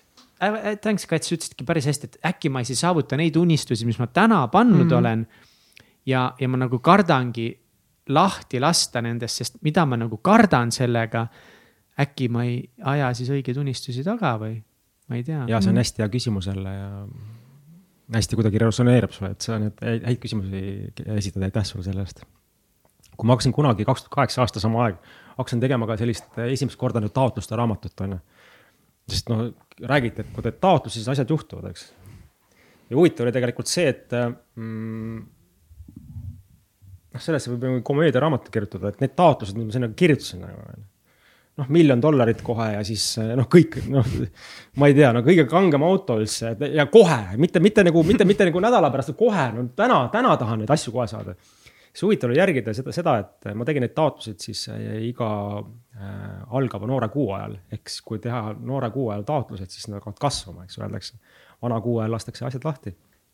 siis iga kord, kui ma järgmine kord tegin seda nagu järgmist taotlust, ma mõtlesin, mida ma siin küsin jälle olen ja kui läks aasta mööda, siis nagu hakkasin naerma juba asjade üle, eks. ehk tä-, need, need aasta aega tagasi, mis varasemalt on need äh, taotlused, mis ma teinud olin, mida ma, mida ma eesmärkidesse olin seadnud või oma elu nagu perspektiiviks seadnud. hakkasin vaatama, et kes neid küsis nagu praegult, kuskohast need tulevad üldse. ma sain nagu aru, et see on nagu nii minu egost tulnud, eks. et ja ma ühte asja nagu hakkasin ka märkama, et kui ma teen taotluse südamest ja küsin, mida ma päriselt mehena vajan päriselt nagu oma ellu nagu ajan, need taotlused äh, täitusid kohe. ja kui ma läksin egosse, ütlesin, et aga nüüd ma tahan see olla ja kõige parem nagu selles olla ja kõige nagu võimsam siin olla ja kõige parem, kõige rohkem raha ja äri, topis tahan sees olla, igal pool tahan sees olla. Need ei täitunud hmm.. Siis ma sain tegelikult aru, et kuskohast ma küsin ja miks, sest ma hakkasin aru saama, et ükskõik, mis ei ole mul siis, kes mind hoiab näiteks, eks noh. minu kõrgem teadus, kõrgem mina või ükskõik kes, eks. ta sai aru, et ma ju lõhun ennast ära kui ma neid asju oma ellu kogun, eks. võib-olla ma tõesti oleks see hetk siis saanud selle kümme miljonit äh, eurot või dollarit on ju. ja endiselt ma oleks täna võib-olla ennast täiesti põhja joonud kuskil. ja ma ei tea, mida ma teinud siis oleks nagu. ma olen tänulik, et, äh, et see kõik on no nii läinud, et ma hakkasin nagu päriselt küsima, et mida ma päriselt vajan. Ma hakkasin hoopis nagu märkama, et tegelikult ma vajan hoopis midagi muud. ja see oligi võib-olla hoopis äh, kõva taipamine, et mind ei teinud nagu õnnelikuks endiselt, ma olen sellest läbi käinud äriinimesena see, et mul on kontol üle viiekohaline, kuuekohaline nagu, nagu summa, ma mõtlen seda päriselt välja, see ei teinud mind õnnelikuks. ja kui see summa läks veel suuremaks, see ei teinud ka raha, ta andis küll turvatunde mingi hetk jah. ma sain aru tegelikult, see turvatunne andis mulle sellepärast, et ükskõik, mis ka ei juhtu mu elus, et siis ma ei saa jälle oma tunnetega hakkama kui näiteks jätabki mind naine maha, onju, ma jään perest ilma, kuidas ma nende tunnetega hakkama, siis ma vähemalt saan kohe reisile minna ja siis ma saan endale uue auto osta ja siis ma saan selle uue korteri osta, et siis ma tunnen ennast hästi. ei tunne, ja lõpuks sõitsingi palile nagu ja, ja noh, sain aru, et ma võin ka palil olla. ja kogu see pagas on minuga kaasas siin nagu. ta elab minuga kaasas, ta on nagu selline tegelane, kes käib järgi kogu aeg. ta ripub jala küljes ta ripub jala küljes reaalselt, ta ei lähe mitte kuhugile niisama palile sõitmine ei päästa. ei päästa, sa võid, tegelikult sa võid ka minna, üks, üks tuttav rääkiski, et ta käis, ta käiski ümber maailma reisil, oli Seychellidel seal saartel nagu onju. ja ta taga, tuli tagasi, ta isegi ei mäletanud, kus ta käis siis see tegelane ju kogu aeg nagu elas küljes onju, tal oli mingi haigus ka veel, pidi tablette kogu aeg võtma, eks. ehk äh,, aga see on nii vajalik kogemusele, eks. et päriselt nagu aru saada, et äh, mis, mis päriselt oluline elus on, mis päriselt on oluline. ja ma hindan täna hoopis midagi muud, just selliseid väikseid detaile. Võib-olla see päriselt, kui ütlebki silmast silma ütleb midagi head võib-olla või, või et sa nagu oledki ühenduses või sa märkadki oma partneri juures pigem seda positiivset poolt selle asemel, et teda nagu madaldada ja keskenduda tema negatiivse poole peale. meelde tuletada võib-olla endale, miks ma tegelikult, tegelikult olen temaga kokku saanud ja kui ilus see tegelikult oli see hetk, eks. kuigi lugu räägib, aga tal võiks selline olla, selline olla, hoopis selline olla, la-la-la-la-la-la, kes seda küsib praegult mm? -hmm. ja et ma enda puhul näen, et hakata nagu just märkama neid äh, ilusaid asju, mis tegelikult ilus, ilusat elus on ja mis pakuvad. ja siis see ümberringi see, et raha, raha, raha, raha hommikust õhtuni, et see tekitab mulle hea tunde. nojah, aina rohkem ma olen, mul on väga palju nagu rikkaid inimesi ümberringi, no ei. ma räägin siin ühe lihtsalt kogemuse, kuidas ühel päeval käis kaks meest teraapiasse. kus ühel mehe, üks mees oli audiitor vist minu meelest, maksuametis, ma ei tea kus. ja lasi mingi apsu sisse seal ja, ja võeti palk maha, sai tuhat viissada eurot palka või tuhat kolmsada ja hakkas üheksasada saama no kuna ta mingit muud tööd teha ei ostnud, ei osanud, tal oli kõik ära planeeritud, et korter maksab siis viissada, söök läheb nii palju, nii, nii, nii, siis tal iga kuu hakkas tiksuma miinus sisse. ehk see osa, mis ta kukkus, eks, ja oli aasta või kahega juba mingi üle kolme tuhande euro vist oli tiksunud miinust. ütles, et mul ei ole enam motivatsiooni elada, midagi muud ma teha ei oska. Uut töökohta ma hetkel nagu ei leia, iga kuu teenin nagu miinust, käin sellepärast tööl, et ma pean käima, pean käima, mitte see, et ma tahan seal käia aga samal õhtul tuli siis äh, üks teine mees äh, teraapiasse, kes on üks päris tuntud äh, ärimees ja kelle varad siin, ütleme siin krahhi ajal kukkusid seitsmekümne miljoni pealt vist kahekümne miljoni peale või. ütles, et ka elus, elus ei ole enam. Kaks ühesuguse mustriga inimest, ühel siis oli, kukkus tuhande viiesaja pealt kaheksasaja peale, teiselt seitsmekümne miljoni kahekümne miljoni peale. kujuta ette, kui see audiitor oleks kakskümmend miljonit saanud, onju. Ta oleks nagu, ma ei tea, rakett siin ringi pannud, onju. Happy elu! Et see näitab tegelikult, et millistes uskumustes me elame, et see, et ma nagu usa, usun, et äh, mingi asi, välispidine asi teeb mind õnnelikuks, see on lihtsalt ootuse illusioon ja minu jaoks elus on need kõige suuremad kukkumused ja pettumused tegelikult sellest, et ma loon oma partnerist, loon oma ärist, inimestest, olukordadest mingisugused ootused ja kui nad ei täitu, siis ma olen täiesti pettunud, kuigi nemad ei ole mitte midagi nagu valesti teinud, on ju. et see on nagu huvitav koht, kuidas me loome nagu ellu illusioone ja ootuseid. mis eh, ootused sul varasemate suhete kohta olid, ma tean, et nüüd eh, sul on eh, väga äge naine, Kristel, shout out to Kristel. Et millised su varasemad suhted üldse naistega olid? noh, mul on jah, mingid momendid ma ka elasin ka sellises mingis häbis ja süütundes, kuna mul on noh, suhted olnud ikkagi elus on ka pikaajalised ja lühiajalised olnud. aga sama asi, et need ei ole ka väga pikalt nagu kestnud, kõige pikem suhe mul on olnud seitse aastat, olime abielus, eks. aga ma olen sama asi, et ülirahulolematu ikkagi. noh, et no mis ikka veel, mis ikkagi veel saab, ikka noh, ikkagi no see, see ei ole ikka see ikkagi noh, et kogu aeg mingi asi kerib siin sees nagu, eks ja lõpuks ma sain aru. alati on kuskil seksikam naine no,. ja no küll, alati tuleb parem ikkagi ja mm -hmm. see ikkagi. Instagrami teed lahti, siis vaatad, issand, nii palju siukseid pihve on olemas. ja, ja siis äh, noh, ma hakkasin ka, ma hakkasin ka seda uurima, miks ma nagu niivõrd paljudes suhetes olen olnud, miks, miks need kogu aeg purunevad. Ja saingi lõpuks aru, tegelikult ma olen kutsunud oma ellu erinevaid partnereid just sellepärast tegelikult, et aru saada suhte tegelikust olemusest ja mis suhe tegelikult üldse on ja miks me saame inimestega kokku ja kas see on tegelikult see, mida ma olen armanud, et. Äh, ja tegelikult täna näen nagu suhte olemust hoopis teistmoodi, et, äh, et noh, suhe on nagu koos, koos käimine, koos õppimine, hästi tugev peegeldamine üksteisele. ja just võib-olla koos aitamine nendest rasketest kohtadest läbi tulla, nendest alateadvuse mustritest, mis on nii ebamugavad tegelikult ja nii ra rasked ja ebamugavad, eks. aga just, et hakata nagu märkama suhet kui kingitust hoopis mitte kui seda, et, et noh, Kristel ütles just, mu partner ütles minu arust nii hästi tegelikult, kui vahepeal nagu teed ka nagu selliseid raskeid asju läbi ja tunned, et nagu noh, enam ei jõua, on ju. et mis siis, kui me tegelikult tahame üksteisele head, lihtsalt meie valukehad ei, ei oska seda näha, eks et aktiv-, aktiveerida valukehad, kes kohe võitlema hakata, et sa tegid mulle, sina oled selles süüdi, sina oled noh, süüdistamine, näpuga näitamine kogu aeg, eks. sina tegid seda noh, ja nii kaua see nagu see võitlus käib aga suhte olemus tegelikult on see, et kui sul kolm näppu on niikuinii mm. nagu enda poole keeratud, keerad neljanda näpuga sina enda poole. praegult äh, tundsin, et mingi asja tõmbas ta mulle üles, onju, et aga miks ma seda hetkel kogen üldse, miks ma tunnen ennast nagu halvasti. ja enda puhul ma näen, et kui ma hakkan, julgen seda nagu väljendama hakata, et ma tunnen ennast sellepärast nagu halvasti praegult või see mul on raske, see koht, sellepärast, siis see hakkab lahustama minu sees, mitte nagu varem, eks. et tegelikult suht on hästi võimsad õpetajad ja väga võimsad õpetajad on kindlasti ka lähedased meile ja lapsed, eks sest noh, nendega on, lähedaste inimestel on hästi lihtne see tasand tegelikult, et ma ei saa ju neile öelda, kuule, et äh, ma ei viitsi sinuga homme suhelda, noh. mõni sõber käib närvidel, ütleb, ma kustutan telefoni ära, nägemist, eks. ma püüan seda oma naisele näiteks öelda või mehele, või oma vanematele või lapsele näiteks on ju, et ma ei viitsi sinuga suhelda, kuigi ta tõmbab mingeid asju kogu aeg ülesse mm. -hmm. siis ma iga kord, kui ma praegult tunnen, et mul midagi sisse tekib, mingisugune ebamugavustunne või, või, või raske koht minu sisse, siis ma alati küsin enda käest sellise küsimuse. mida see inimene või situatsioon mul hetkel tulnud, õpetama tulnud on mm? -hmm. mida ta mulle tahab näidata?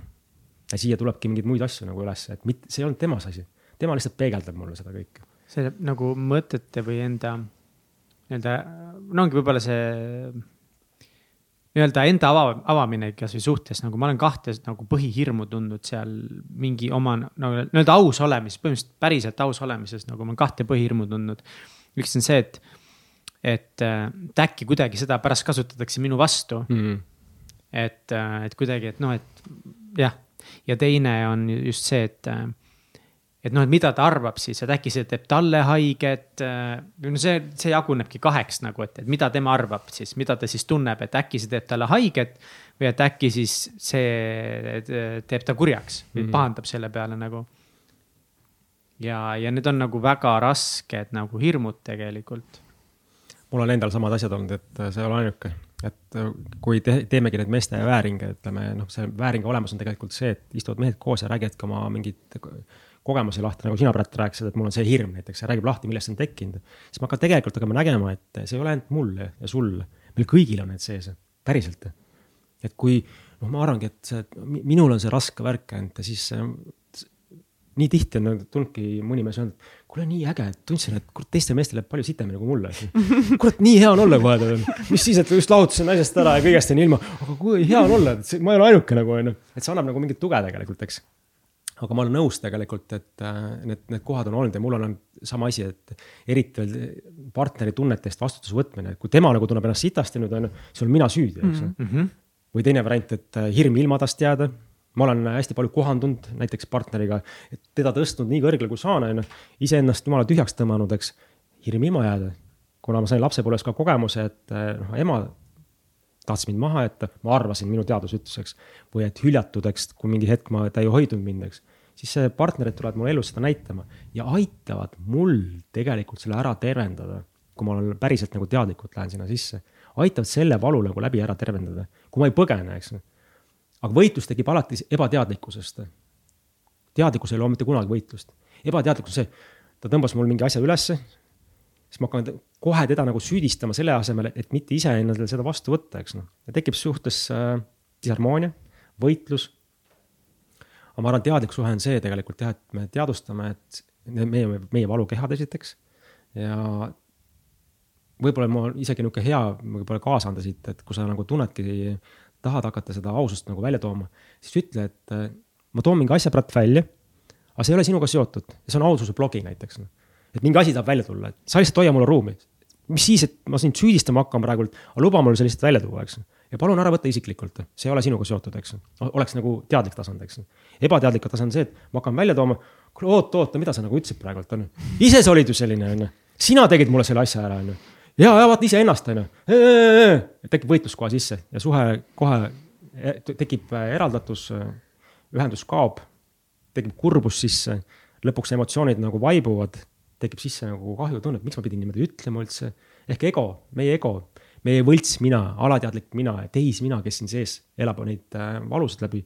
ja see, kui sa nagu ei tea, mis asi see alateadlik mina ongi, see on see mina siis, kes on läbi kogemuste ennast loonud, sündinud siia maailma läbi kogemuste siis loonud ennast.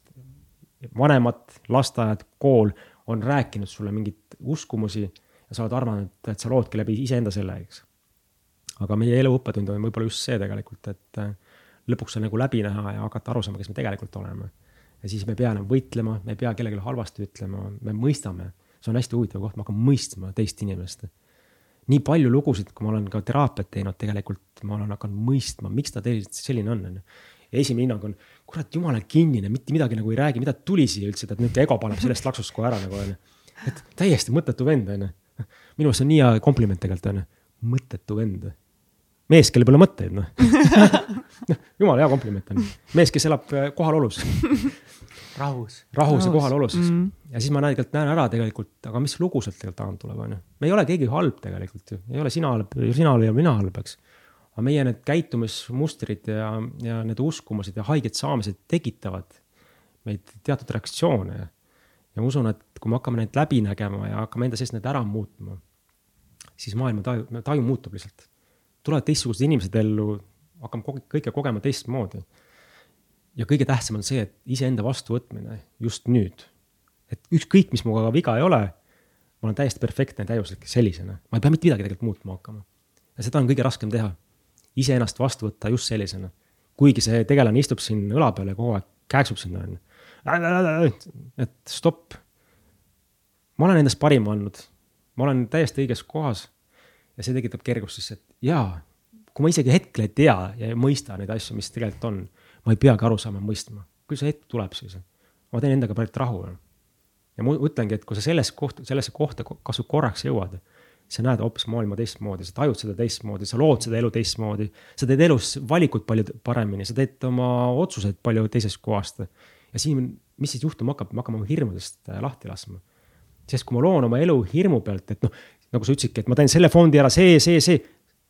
ma ütlen stopp, aga miks sa neid vajad? sest tegelikult on taga hirm. ja mis hirm siin taga on, kui sügavamale minna? no ma ei tea, elus hakkama saada, mis minuga juhtub kokkuvõttes on ju. aga kui ma kardan, kui ma kardan seda hirmu jälle minu kogemus, siis hirm tegelikult tulebki meie ellu ja miks? et sellest kogemusest lõpuks läbi minna. ehk ma kardan, et ma jään rahast ilma. ma olen ka pankrotis ära käinud, et äh, ta tuleb, sest mul oli nii suur hirm, kui ma lõpuks jäängi kõigest ilma, siis palun. ja üks moment sa lihtsalt äh, koged selle läbi, teed põled puhtaks, ütled, vau, päris võimas kogemus oli. Ja lähed edasi ja lood hoopis teisest kohast. seda hirmu ei ole enam. Ja sa oskad võib-olla rohkem vaadata, oskad äh, rohkem analüüsida. Ja enda puhul ma nagu tajun küll, et äh, mis see elu on mulle õpetanud, võib-olla see ego tasandist äratulek nagu südame tasandisse on see, et äh, ma muutun rohkem alandlikumaks kõige osas. Mm.. ehk ma saan aru, et ego arvab, et mina olen see, no, no ma ütlen, see keskpunkt, mina, mina, mina, mina, eks. aga sa, kui sa tajud päriselt ka natukenegi, et maailmas on üle neljakümne nelja miljardi universumi. ja siis võib-olla veel nelikümmend neli miljardit meil. kui, kui palju. lõpmatu arv universumeid. jah ja kui, kui kaugele sa siis oma teadusega või, või mõtetega võid jõuda nagu, eks. et võib-olla seesama asi, et hakata pilti nagu suuremalt vaatama ja mõistma, et, et äkki ei ole mina kõige tähtsam ikkagi. võib-olla me oleme kõik üks osa pusletükist on ju. Ja võib-olla see, et äh, me aitame üksteist teenides, ma ikka pigem ütleksin, mitte üksteisest nagu üle olles, vaid üksteist teenides läbi armastuse. see pusle läheb ilusti kokku ja see ongi see võib-olla elu mõte meil wow aga raske on teenida, kui ego jääb ette, vaata mm. -hmm. ja näiteks nagu, mul on isa hästi egoistlik mees mõnes mõttes ja ma olen nagu selle pealt nagu õppinud ka kuidagi, et noh, ise olla ka väga egoistlik või kuidagi ja siis. ma olen selle nagu endale nii-öelda lahti seletanud, aga noh, me peamegi iseendaga nagu noh, egod nagu olema, et umbes, et kui sa iseendaga ma ei tea, kas ei tegele, et noh, sa pead tegema neid asju, mis sulle meeldib, sa pead käima seda teed, mida sa tahad, sa pead iga hetk tegema seda, mis sa tahad nagu. justkui, aga see ongi nagu kaks eri nurka, et kas sa teed sellest nagu egost või sa teed nagu rahust, mis teekonda sa käid. ja väga raske on nagu ka vahepeal olla nagu hea partner, kui sa oled sellest egost juhitud just, et aga ma pean ju alati tegema seda, mida ma tahan teha. siis on väga raske olla kellegi teise jaoks olemas või kedagi teist nagu aidata. siis sa kogu aeg mõtled, aga ei, aga ma tahan praegu teha kõike seda, mida ma tahan teha ja et see hästi. ma seda palju tundnud küll. hästi oluline sõnum tegelikult on see, et me ei saa nagu välispidises kedagi aidata tegelikult. et see on lihtsalt ka ego illusioon. Ja teine asi, mis ma tahan öelda, et ega ego ei peagi tegelikult ära hävitama ja teda kõrvale lükkama, elu, ego tegelikult on vajalik, ta on kaasa tulnud tööriist tegelikult meile, et me nagu reaalselt elus nagu hakkama saada, eks. aga vahe on selles, kas ma olen siis äh, muutunud täiesti egokeskseks, lõhun nagu, eks. ma hakkan mõistma ego olemust ego on tegelikult hästi hea toetaja, et me nagu liiguksime elus paremaks, ta on nagu naaskel käib tagantjärgi kogu aeg, noh. noh, sama see eesmärk näiteks on ju, noh sihid, eks noh. tema on see, kes noh, käib sealt naaskeli tagant, kuule tee midagi nagu. kui sa lähed liiga sellesse senni nagu ära, eks, et siis ei juhtu ka mitte midagi, ma olen mõlemas äärmuses ära käinud, eks mm, -hmm. olen täiesti egos ja läinud täiesti senni ära, eks, kuskil koopasse, no niinimetatud koopasse. kumbki pool ei loo. ma ütlen, kõige parem on, et tuled siia keskele. ja see tähendab seda, et sa saad oma, tegelikult hakkad oma egoga sõbraks saama, sa näed, et mingi tegelane siin istub küll taga kogu aeg, on ju. aga hakkad ka teda mõistma. ja kui sul tegelikult täna oled selles kohas, kus äh, sa tõesti tunned, et see on nagu raske valik sinu jaoks, ma võin ka kaasa anda teile selle sellise hea praktika, kuidas seda muuta, mida ma enda puhul tegin. see oli kuskil kolm aastat tagasi. kuna ma teen ka juhendatud meditatsioone, siis mul tuli selline sõnum sisse, et et kujusta lihtsalt ette, et äh, sa istud lõkke ääres ja sina, kui oled nagu äh, selle läbiviija, ükskõik, kes see ei ole, oled sa siis äh, oma vaim või ükskõik, sa oled selle läbiviija. ja kutsud lõkke äärde äh, oma hingetasandi ja oma ego tasandi.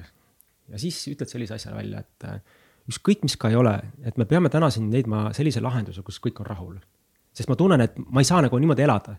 et ma tunnen, et ego tirib mind, et teeni ainult raha, pane pidu, asjad, asjad, asjad ja hingedes nad räägivad, ei, aga ma tahan ainult õppida siin äh, valgustunuks saada, et kuule, et äh, ma ei saa nagu aru, mul tekkiski selline situatsioon elus. ma ei saa aru, kuhu ma nagu minema peaksin. ja ütlesin, et täna ei tõuse enam püsti, kui me leiame nagu lahenduse, kus kõik on rahul. Ja siis küsisin oma hingetasandilt, istus lõkke ääres ja vaatasin teda, milline ta välja näeb, onju. noh, nihuke puhas ja valge ja nihuke ilus onju, räägib, et ja ma olen hingena tulnud siia selliseid kogemusi saama ja kasvama ja iseendaga kokku saama na, na, na, na, na, onju. ego istub seal nahktagi seljas, lolliks läinud täitsa loll. investeerime, teeme äri, paneme pidu, reisime, lalalalalalala. Ja vaatan, et nagu, no kuhu poole siis, eks. ma ütlesin neile mõlemal nagu, et aga me lõhume üksteist ära nagu. me peame hakkama kompromisse tegema, sina hingetasand püüa mõista nagu ego tasandit, onju. ja sina ego tasand püüa nagu mõista hingetasandit, eks. et kuskohast teha järeleandmisi ja siis hakkasid kuidagi mingid sõnumid hakkasid tulema.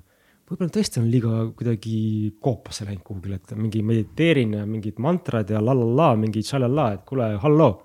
äkki on stopp, tule tagasi natuke. Ego on samamoodi, et kas tõesti nagu raha ainult või? et kuidagi sõnum lihtsalt, mul on päriselt ka kahju kõikidest inimestest, kellel peale raha ei olegi mitte midagi, nad on kõige vaesemad üldse nagu tegelikult. ja siis hakkad nagu vaatama, et okei okay,, aga mida ma siis teha saan? siis mul tuligi sõnum tegelikult sisse, et äh, meie elu ees, meie elu eesmärk tegelikult on ükskõik, mis me siin nagu ei tee, on võimalikult hästi inimesena hakkama saada. see tähendab seda tegelikult, et ma olen nii vaimselt äh, kui ka siis äh, mentaalselt ja ütleme materiaalselt nagu siis tasakaalus.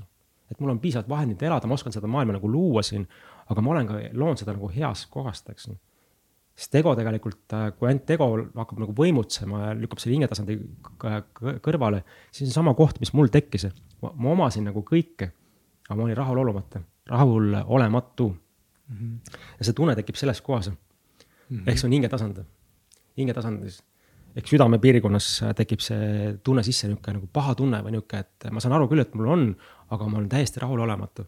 ma tunnen survet. see on surve mm, täpselt. surve jah, see tegelikult hing karjub, see ütleb, et kuule, et äh, kas sa, kas sa teed seda, mis sa täna teed, teed sa sellepärast, et sa pead tegema või tegelikult sellepärast, et see tekitab sulle niisugust elevust, rõõmu, naudingut, niisugust oh,, külmavärinat tuleb peale.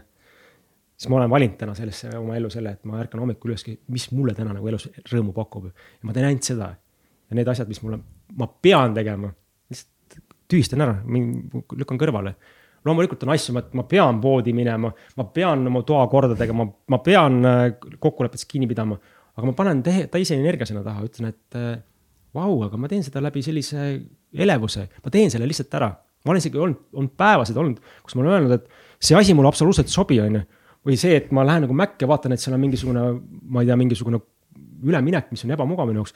ma lihtsalt teen selle ära ja lähen edasi. stopp, ma ei viitsi isegi vaielda sel teemal kas see on hea, on see halb, mis must saab, ma lihtsalt teen selle ära, stopp, lähen edasi. ja see tekitab ka kergust. aga et aina rohkem kutsuda oma ellu selliseid asju, mis tekitab entusiasm, entusiasm on selline puhas loomeenergia, niisugune võimas loomeenergia. ta on niisugune, sa tunnedki niisugust, vau, noh, me praegu mm -hmm. oleme siin koos ka niisugune, vau, nii äge, et me koos oleme ja teeme mingit ägedat asja, eks. või teine variant on nagu hommikul lähedki, istud sinna arvuti taha nagu Exceli ta,, Exceli selle tabeli taha on ju, kuivalt lükkad numbreid ette on ju, ütled, ma tegelikult ei taha, seda ei taha, taha on ju. aga hirm on see, et võib-olla ma ei saa siis oma liisingud ära maksta, ma ei saa oma mm, -hmm. vot see hirm nagu, eks. ehk jälle hirm tegelikult juhib minu elu. et hakata seda näge, nägema.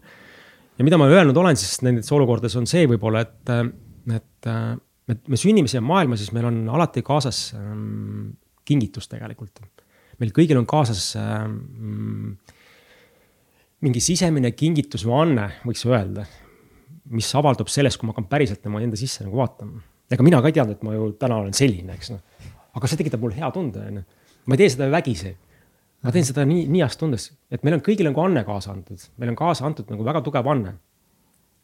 Ja see võib-olla hakkab läbi selle nagu avalduma, et ma hakkan meelde tuletama, kuidas ma lapsepõlves, mis tekitas mulle rõõmu. mis tekitas mulle sellist entusiasmi, rõõmutunnet, kergust sisse, eks, mis mulle meeldis teha ja väga paljud äh, nagu, kes ka teraapias on käinud, on äh, oma elu muutma läbi selle hakanud. et nad tegelikult tahavad noh öelda, et mulle tegelikult meeldib hästi seda teha, eks. ma ei ole julgenud sellega tegeleda mingil põhjusel. kuna ma ei tea, kas ma siis saan elus, elus hakkama la la la la la. ja ma olen nagu soovitanud sellist asja, et, et hakka, hakka lihtsalt oma energiat sinna panema, hakka lihtsalt tee esimene samm, proovida, mis sul tegelikult päriselt nagu meeldiks nagu.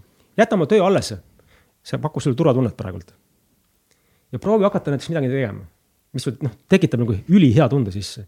siis ma näen tegelikult sellist asja, et see, see, see, see tasand, kuhu me täna nagu liigume, see toimib, toime, äh, toimib ainult armastusenergial. ja armastusenergia saab ainult luua see, kui ta on vaba voolamine, tekitab sulle hea tunde sisse. Kui sa lood ego pealt täna siia maailma midagi, siis ilmselgelt pakub sulle kogemusi ja tihti need kogemused pigem kannatused ma pigem tahaksingi öelda, et kui sa nagu valid enda ellu midagi sellist, mis sul pakub nagu varasemalt on pakkunud mingit elevust siis kutsu see oma ellu, hakka vaikselt tegema. ja kui mingi moment sa näed, et vau, see toimib, see ongi nii äge, mida me teeme, mida ma teen, on ju, siis lase selle vanast lahti lihtsalt. ja mina seda teinud täna olengi tegelikult ju. ma täna ei ole enam ärimaailmas niimoodi, on ju. Ma tegelen ainult nende asjadega, mis mul pakub nagu rõõmu, rahuldust ja tekitab elevust ja rõõmu sisse. ja kui sa küsid, kuidas ma elus nagu hakkama saan, siis ma ei tea, päriselt ka ma ei oska sulle öelda, aga kuu lõpuks on kõik äh, asjad nagu makstud jääb, jääb ülegi, ma elan väga head elu, käin reisimas äh,. elan väga heas kohas. ja ma ei oska sulle seda öelda, kuidas see nagu toimib. minu uskumus on, see ongi, et see, see ei ole võimalik. aga ma ei ole seda usaldanud tegelikult, aga see ongi see, et kui ma lähengi sellesse usaldusse rohkem, ehk ma rohkem alistun sellesse ellu, siis elu hakkab kingitusi pakkuma. ja neid kingitusi tuleb iga päev mu ellu, kui ma oskan neid vastu võtta mis meil on, et kui sa hakkad nagu märkama tegelikult sellist asja, et universum pakub sulle iga päev kingitusi aga lugu mängib, et ma ei usu sellesse ja see ei ole võimalik, lalalala.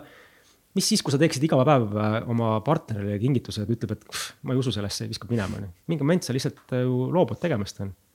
Nii kaua nagu loobud, kui sa hakkad mingi moment nagu äh, hakkad võib-olla märkama jälle, et kas see ongi siis see, mille pärast ma elan või? kas tõesti on midagi nagu veel?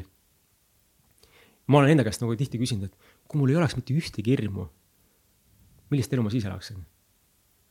ja siis hakkab nagu lööb lahti. äge, siis võiks ju niimoodi, niimoodi. aga mis siis, kui see näitab, et see, vaata, kui me lapsepõlves olime nagu unistasime hästi palju, see tegelikult on ka loomine, seda nimetatakse loomiseks, eks vanemaks saame, et kuulge, et see unistamine ei ole okei okay,, no vanasti istusime kuskil aasa peal ja tunde, tunde nagu oh, nii äge, äge, äge. see on tegelikult see üks sama asi sellest loomisest, mõte, sõna, tegu, eks, ehk info tuleb mulle sisse juba läbi unistamise.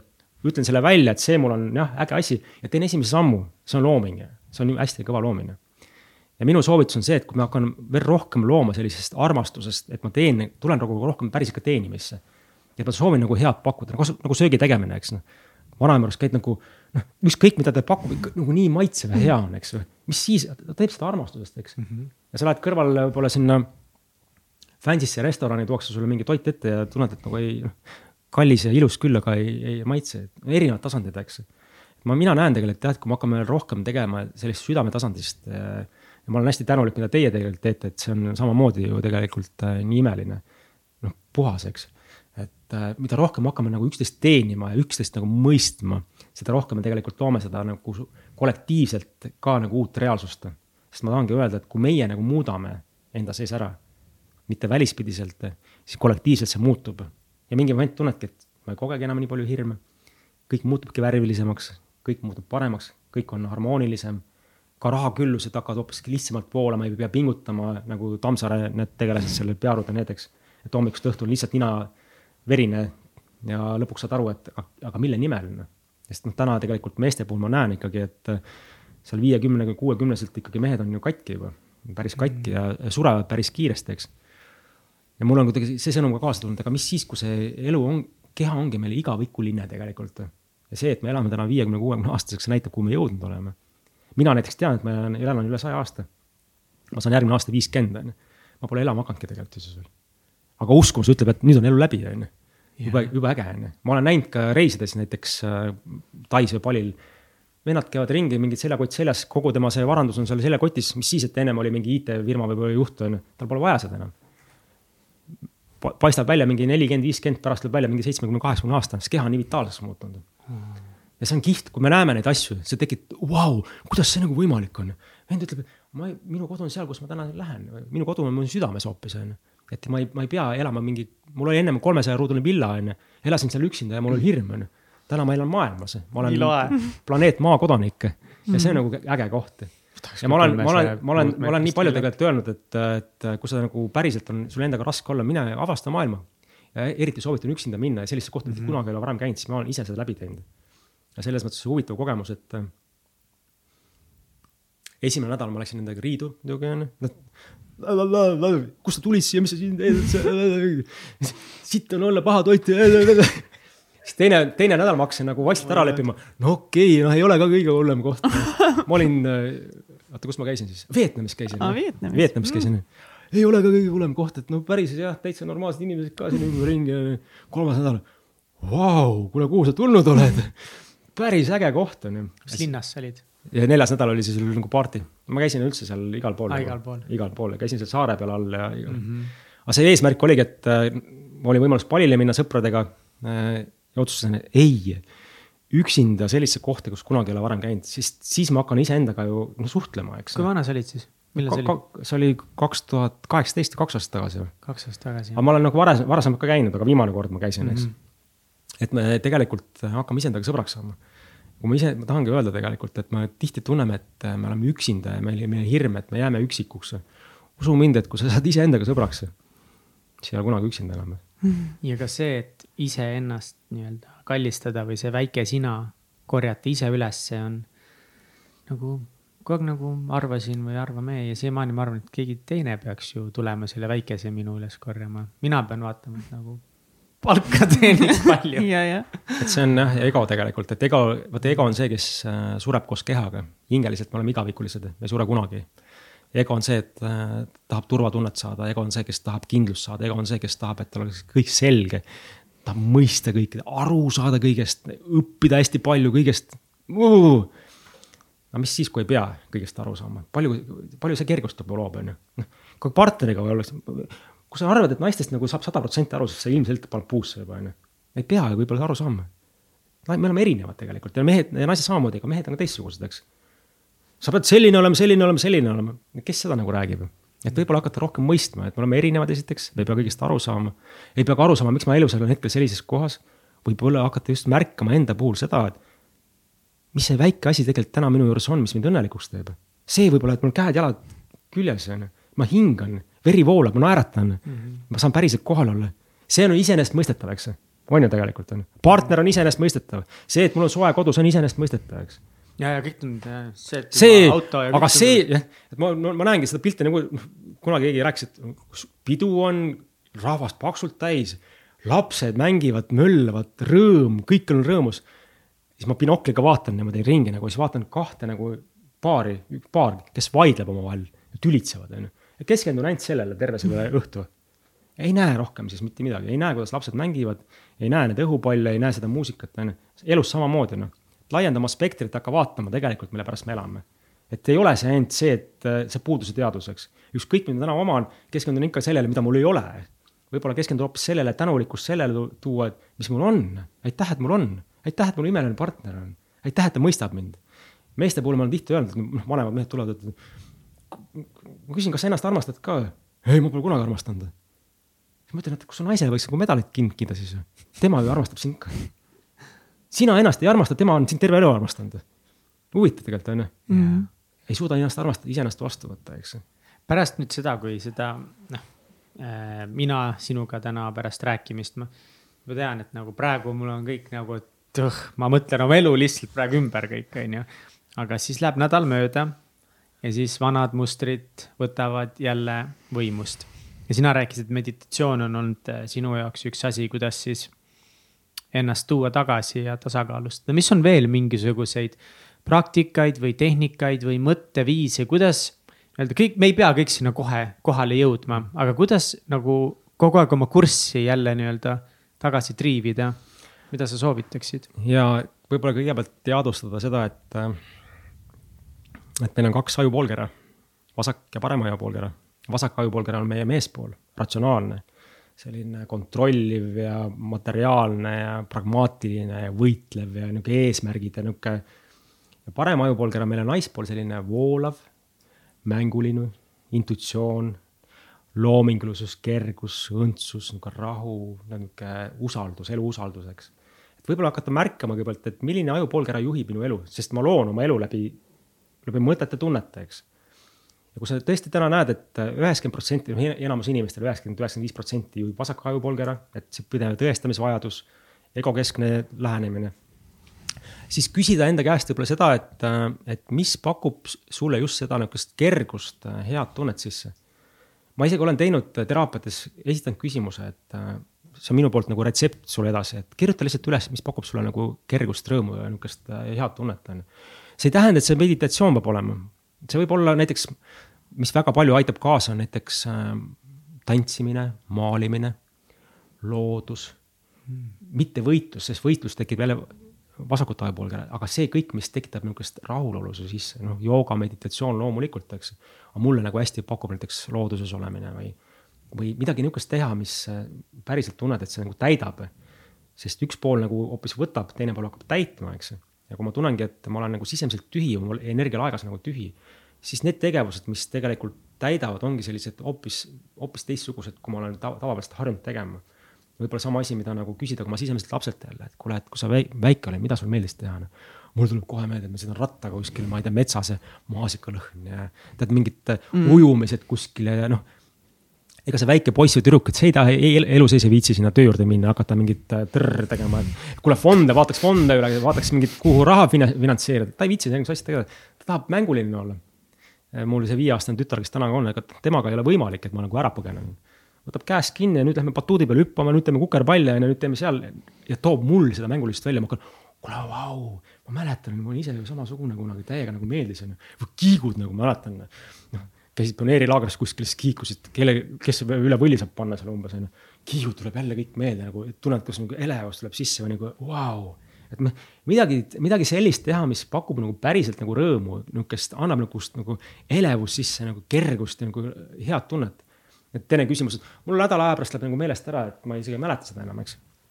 no ja siis lihtsalt läheb, siis mingi moment oled jälle nagu raskes kohas, küsid, et aga mis ma nüüd teha siis saan. ja kui sa kirjutad näiteks ülesse endale ma mõtlesin ka, et ma kirjutan üles, et mitu asja, noh, viis asja saan, on ju. kakskümmend asja tuli sinna ülesse.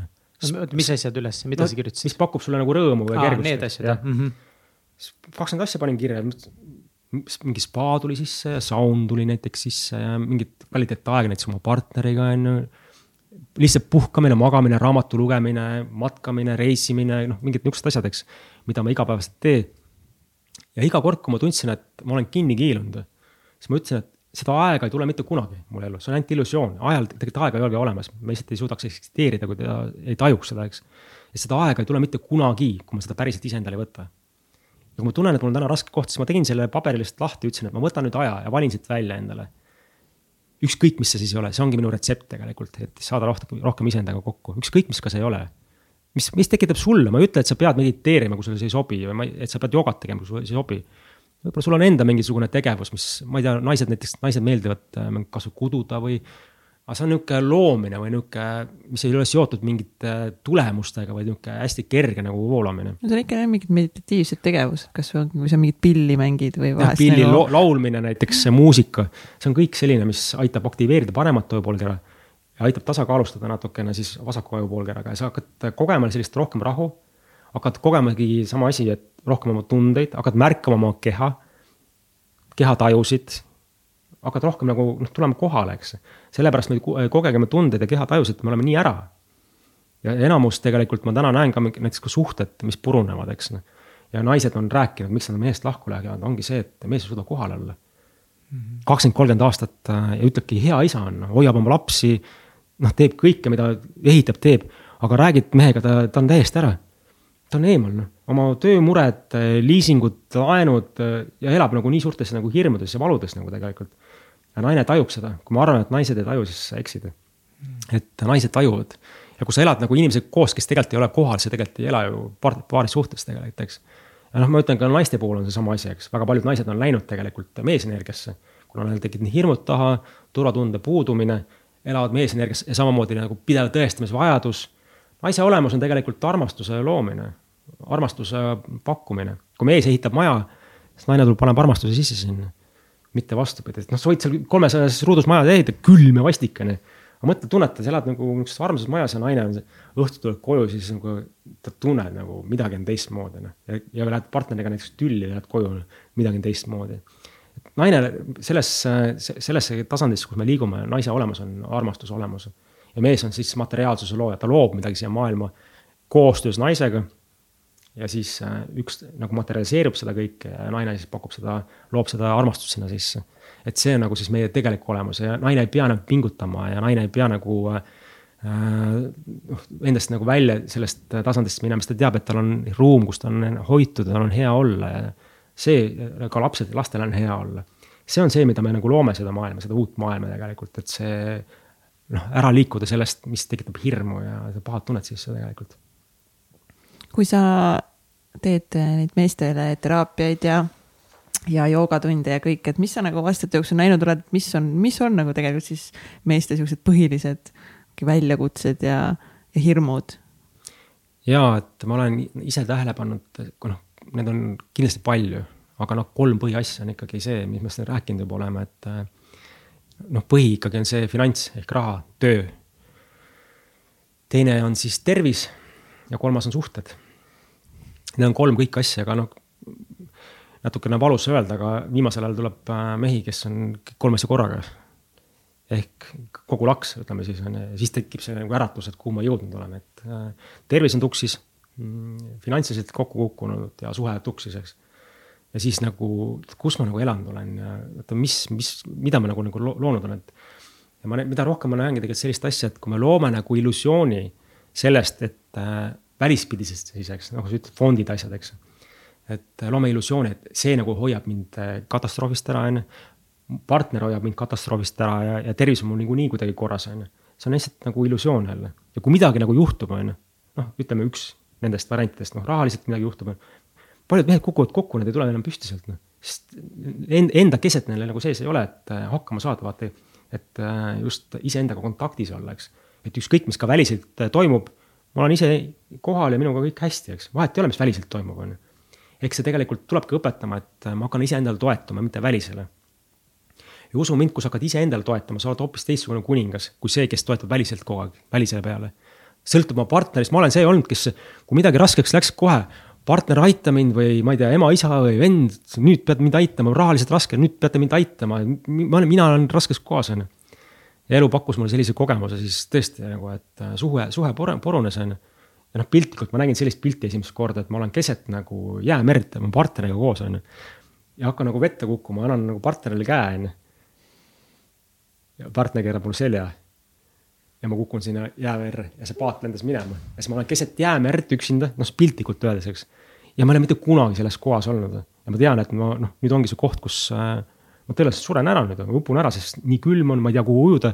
mitte midagi nagu ei ole aga lihtsalt see oli see koht, kus ma ütlesin, et kellega ma nüüd võitlen siis.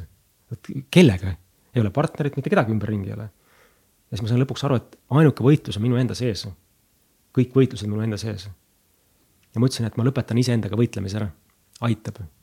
et kui see, noh, kui ma olen selle, kogenud seda reaalsust hetkel niimoodi, siis nii on. ja siis tuli kuidagi sõnum, et uh, uju natukene ja sa näed midagi. ja ujusin edasi, nägin, et mingi saareke hakkab paistma ja läksin sinna saare peale, paat oli seal. ehk esimest korda mehena tulin siis jäämerest nagu niimoodi välja, et ise toetusin iseendale. mitte ei oodanud siis, et partner seda teeb, pere mul teda teeb või ükskõik mis, eks. aga samas ütlesid, et teistelt abi küsida peab, et on okei okay.. jaa, aga see on see, see, et ma nagu väljendan, eks. minul oli nii tugev ego, et ma ütlesin, et ma saan kõigega ise hakkama. ehk see sise, sisemine võitlus iseendaga. Hmm. mina küll abi ei küsi, nõrgad küsivad ainult abi. Hmm. mina saan kõigega ise hakkama ma käin ja see, et ma lähengi siia, panen klapid ette, lähen tippu kohe. noh, et kujuta ette, kui sa täna läheksid sinna Everesti tippu ühe päevaga ilmselt see ei oleks võimatu, et. abi küsimine on väga okei okay. ja teine asi, mis ma tahan tegelikult veel kaasa anda, on see, et me ei tohiks sekkuda inimeste kogemustesse, ise äh, teiste inimeste eludesse, kui inimene ei ole abi küsinud. isegi kõige kõrgemates vaimsetes seadustes on kirjas, et me ei tohiks äh, mm, äh, sekkuda teise inimese ellu, kui ta ei ole nagu väljendanud seda, et ta abi pasub, palub. sa võid alati küsida, et seda, et kuidas sul läheb, kas sa saan, kas ma saan sulle abi pakkuda. aga mida meie nagu oma egoga teeme, on see, et noh, seesama näide, et me näeme väljas mingi tegelane magab pomps seal kuskil kuuri all. Võtame ta kraest kinni, viime pesumajja, peseme ta puhtaks, paneme uued riided selga, sõidame kõhu täis ja mõtleme, tegime head. tema ütleb sulle seda, et kuule, jäta mind rahule, et ma tahan kogeda seda praegult ja kui ma seda kogemust kätte, kui see inimene seda kogemust kätte ei saa, siis, siis ta seda kogemust ära ei lahenda tõenäoliselt enda jaoks. me peame seda ise nagu läbi tegema, nagu mina kukkusin sinna jäämerre. ma ütlen päriselt ka, et mul mehena tuli sealt nihuke jõud taha, noh, vägi tuli taha. Vau, mul on see ikkagi olemas. ma saan iseenda peale toetuda, ma ei pea ootama. Ja täna ma olengi selles kohas, mul ei ole mitte ühtegi laenu, mul ei ole mitte, mitte, mul ei ole neid asju, sest mul ei ole hirme enam siin taga. vanasti natukene raskemaks läks, põlv hakkas kohe värisema, noh. mis must saab nüüd, eks. täna ei ole siis ma tean, et äh, kõik laheneb. elu lahe, elu, hoiab mind, päriselt. ja kui sa küsid, kuidas see laheneb, siis ma ütlen, et ma ei tea. ma usaldan hmm.. Pumm. uh, vot selle peale ma pean seda kõike, mis ütlesid, seda ma seedin pikalt, ma ma ei oska midagi rohkem öelda. ma arvan, et see on, need on väga head sõnumid just siia jõulunädalasse meile kõigile ja mõeldagi, mis, mis mul endal sees toimub ja kas ma teen mingeid otsuseid siis ego tasandist või südame tasandist ja, ja vaadatagi tagasi aastale ja mida ma siis täpselt tahan nagu luua enda ellu ja kuidas seda teha ja et ma arvan, et see on nagu väga-väga-väga hea saade, millega siis eh, siin jõulude ja vana-aasta lõpus nagu mõeldagi, täpselt nagu Mihkel ütles, kõige selle peale. seda annab seedida, aga ja. saate lõpus on meil alati sellised asjad nagu välkküsimused.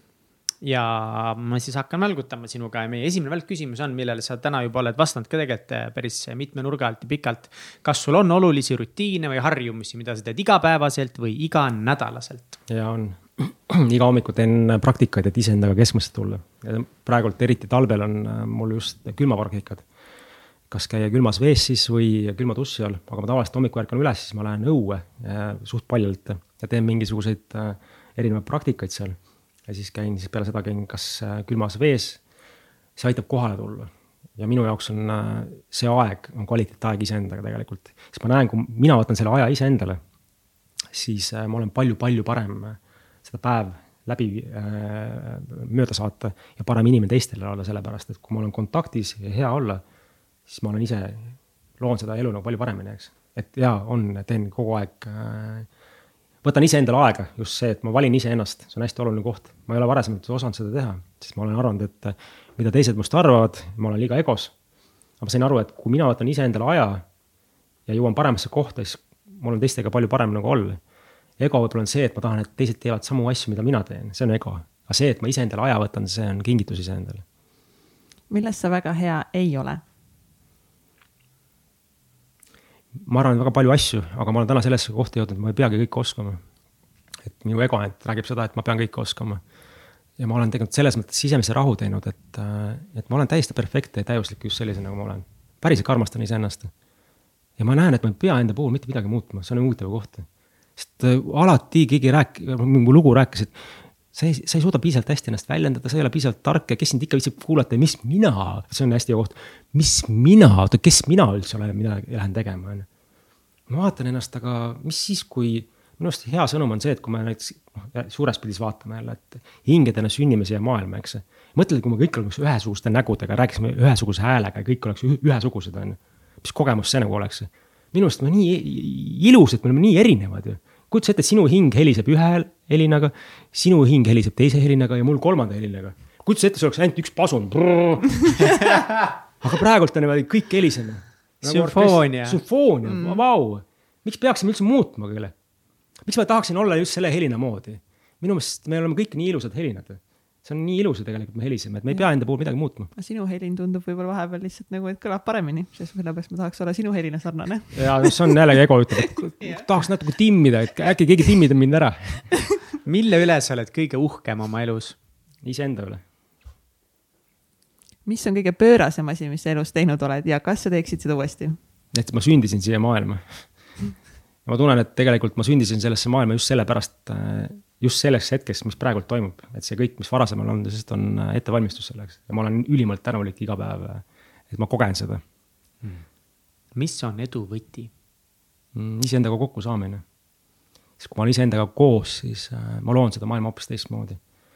ja ma ütlengi, et kui sa oled ise sisemises rahus ja tasakaalus ja omas väes, nagu võiks öelda see loom-, me loome seda maailma hoopis, hoopis teistmoodi, kui me oleme seda hirmu ja niisugusest puuduse teadvusest, et äh, see ongi edu võti, ma arvan. me hakkame looma midagi hoopis, midagi muud ja see on ilus. skaalal ühest kümneni, kui veider sa oled? üks on nagu siis. Äh, noh, nagu üldse mitte veider ja kümme on nagu maksimaalselt veider. ma pakuks üksteist. üksteist, davai üle maksimaalse. kas sul on juhuslikult ka lemmiktsitaat? ja neid tsitaate on nagu päris palju, aga ma võiksin öelda, et äh, elu on imeline rännak. et kokku, lõpuks kokku saada oma tõelise olemusega. Et see on minu nihuke võib-olla tsitaat siia lõppu. ja lihtsalt võib-olla siia äh, jõulude ajal veel kaasa anda sellise koha, et äh, ma usun, et see maailma loobki sellist kergust ja avatust ja headust rohkem juurde, kui me hakkame üksteist mõistma lihtsalt. päriselt mõistma, et me olemegi erinevad ja me ei pea ühesugused olema ja tihti on see, et kui ma arvan, et ma teen head, see ei pruugi olla üldse hea. see on hästi huvitav koht ja see on hästi palju välja tulnud. Kui minu ego arvab, ma teen head, siis see, kes seda nagu mingi hetk nagu võiks saada seda head, see ei pruugi hea olla ja mul üks tuttav just rääkiski sellise kogemuse, et mehel oli arvuti kodus, läks arvuti katki ja siis vend tahtis talle üllatada, ostis uue arvuti nagu, eks pani kokku ja viis kohale ja, ja vennal ei olnud üldse, see, kellele katki läks, ei olnud üldse hea meel. pigem isegi äh, ütles, et ma ei taha. ja siis see, kes viis, ütles, et mis mõttes nagu, ma tegin sulle head ju. aga ta ütles, et mul on hea meel, et mul arvutit enam ei ole, sest ma olin hommikust õhtuni arvutis kinni. ehk siis võib-olla hakata märkama tegelikult, mis see hea üldse tähendab. ja mõista tegelikult, et äh, võib-olla see teise inimesega midagi muud ja nägema hakata, et me tegelikult olemegi erinevad ja meil on erinevad valukehad siin sees, et rohkem mõistma hakata ja võib-olla küsima hakkama, et kuidas mina saan sind toetada võib-olla hoopis või kuidas saan mina sind aidata. ja kuidas inimene vajab nagu omaette olemist, mitte sekkuda, sest see on ka hästi oluline, et me vajame, võtame iseendale aja, et iseendaga tegelikult olla. Mina, mina võtan endale aega, et ma valin iseennast, et äh, mõnikord iseendaga olla. ja ma näen, kui heasse kohta mind see viib ja see, see iseendaga aeg on hästi huvitav koht, see, ma ei tee mitte midagi, mida ma pean tegema vaid see hetk teengi seda, mida mul keha nagu väljendab siis, et olen väsinud, magan, tahan süüa, söön. tahan mingit head filmi vaadata, vaatan. tahad õue jalutama minna, lähen. et kogu aeg teen ainult neid asju, mis nagu, mis ma praeguses hetkes tunneb hea. ei tee ühtegi sellist asja, mida ma pean tegema. see viib nagu täiesti kokku tagasi. Et äh, võib-olla leida see aeg endale lihtsalt iseendaga, et äh, jõuda paremasse kohta. ja ma usun, et äh, me tegelikult olemegi kõik head, et see heategu võib-olla ongi meie jaoks see, et me hakkame seda märkama, et me tegelikult olemegi head. küsiks siia lõppu veel ühe, ühe küsimuse veel, et noh, see aasta tulevad jõulud meil, ma arvan, täiesti teistsugused, kui nad võib-olla viimased aastad on nagu olnud, lihtsalt võib-olla osad ei saagi oma vanavanemate juurde minna, võib-olla noori võib-olla ei oodata kuskile, inimestel on nagu hästi palju erinevaid hirme praeguse olukorraga maailmas et kuidas nagu siis säilitadagi seda nagu rahu enda sees või et kui need ei olegi võib-olla nagu need traditsioonilised jõulud, millega me harjunud oleme või vana aasta õhtu näiteks? ma olen iseendale puhul hästi palju harjutama hakanud sellist positiivsust ja optimismi. et milli-, mis kingitused täna tegelikult meil võiks olla, et ma mäletan, kui mingi aeg tagasi, siin aasta-kaks tagasi ütlesid, et väga paljud no, inimesed, isegi paljud mehed rääkisid mul ei ole piisavalt aega oma lapsega koos olla, mul ei ole piisavalt aega oma partneriga koos olla, mul ei ole piisavalt aega üldse seda teha olnud, mul pole, ma pole aastaid-aastaid aega olnud lugeda.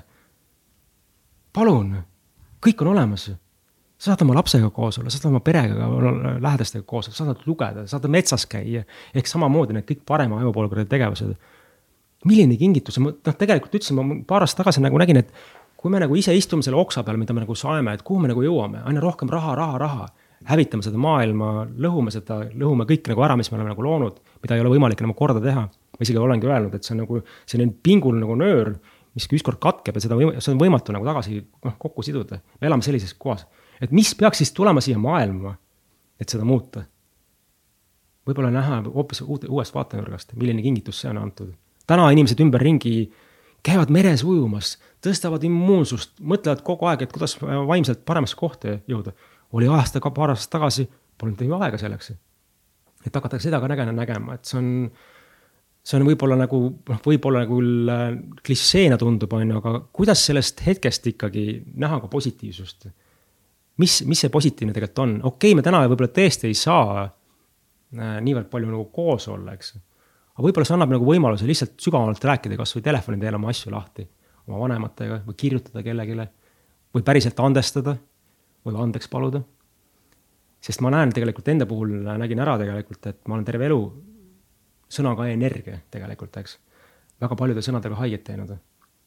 ega see inimene ei tule mulle ütlema tegelikult, et haiget sai, aga tunned, et midagi, mingi paha asi on nagu vahel, eks. ja ma arvasin, et äh, küll see ära laheneb. küll see laheneb ja ma ütlesin, et aga see pidigi nii olema.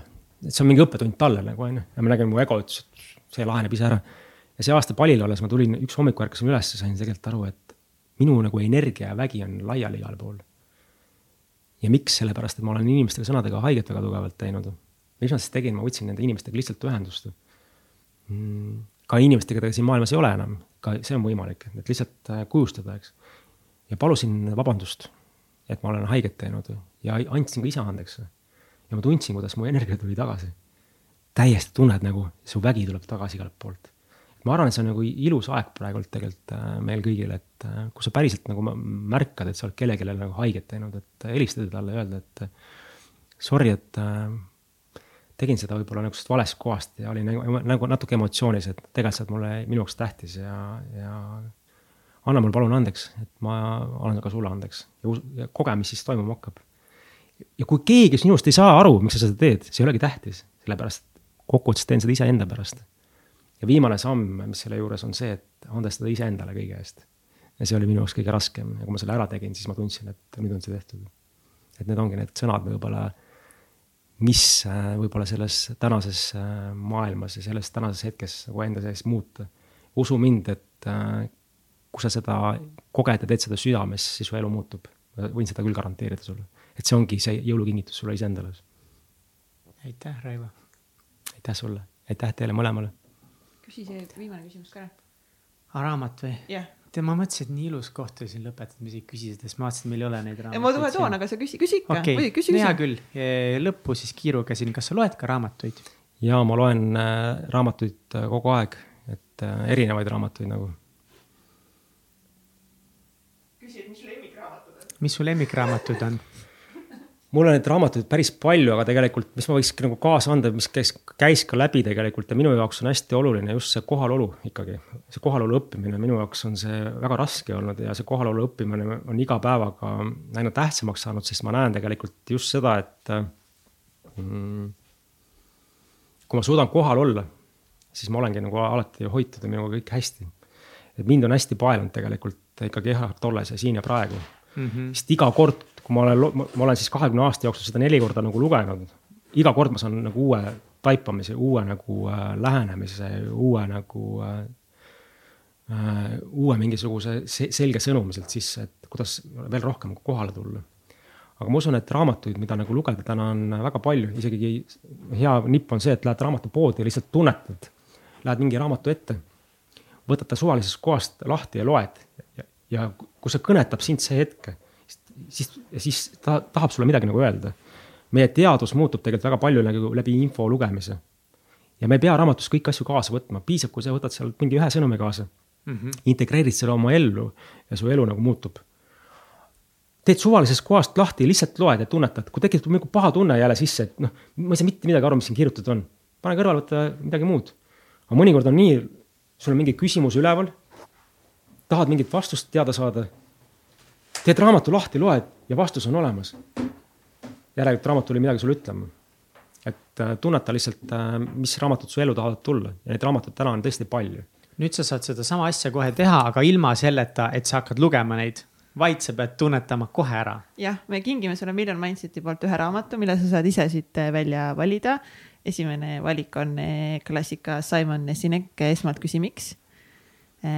siis on Babyloni rikkaim mees siis on imede valem, imede hommik ja viie sekundi reegel. seda viie sekundi reeglit ma olen kunagi kuulnud, see on ka päris huvitav asi muidugi. see on et... väga hea raamat. kui korraks tunnetan lihtsalt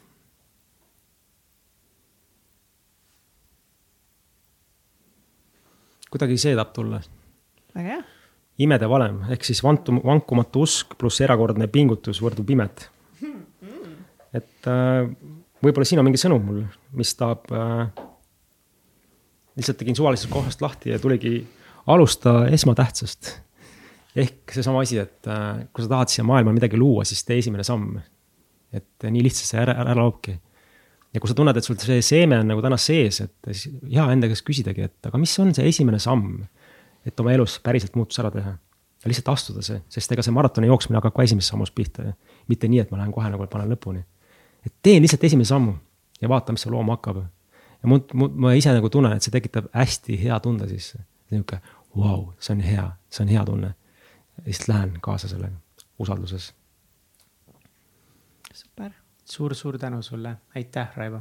aitäh teile ja aitäh, et te seda teete, et äh, südamest tänulik, et äh, nii imelist äh, koosloomist teete siin. aitäh teile ja soovin teile mõlemale imelist rahulikku äh, jõuluaega ja just äh, liikumist äh, oma südameteed, et luba sellel voolamist, elu voolamist tahaks öelda, et luba elul voolata.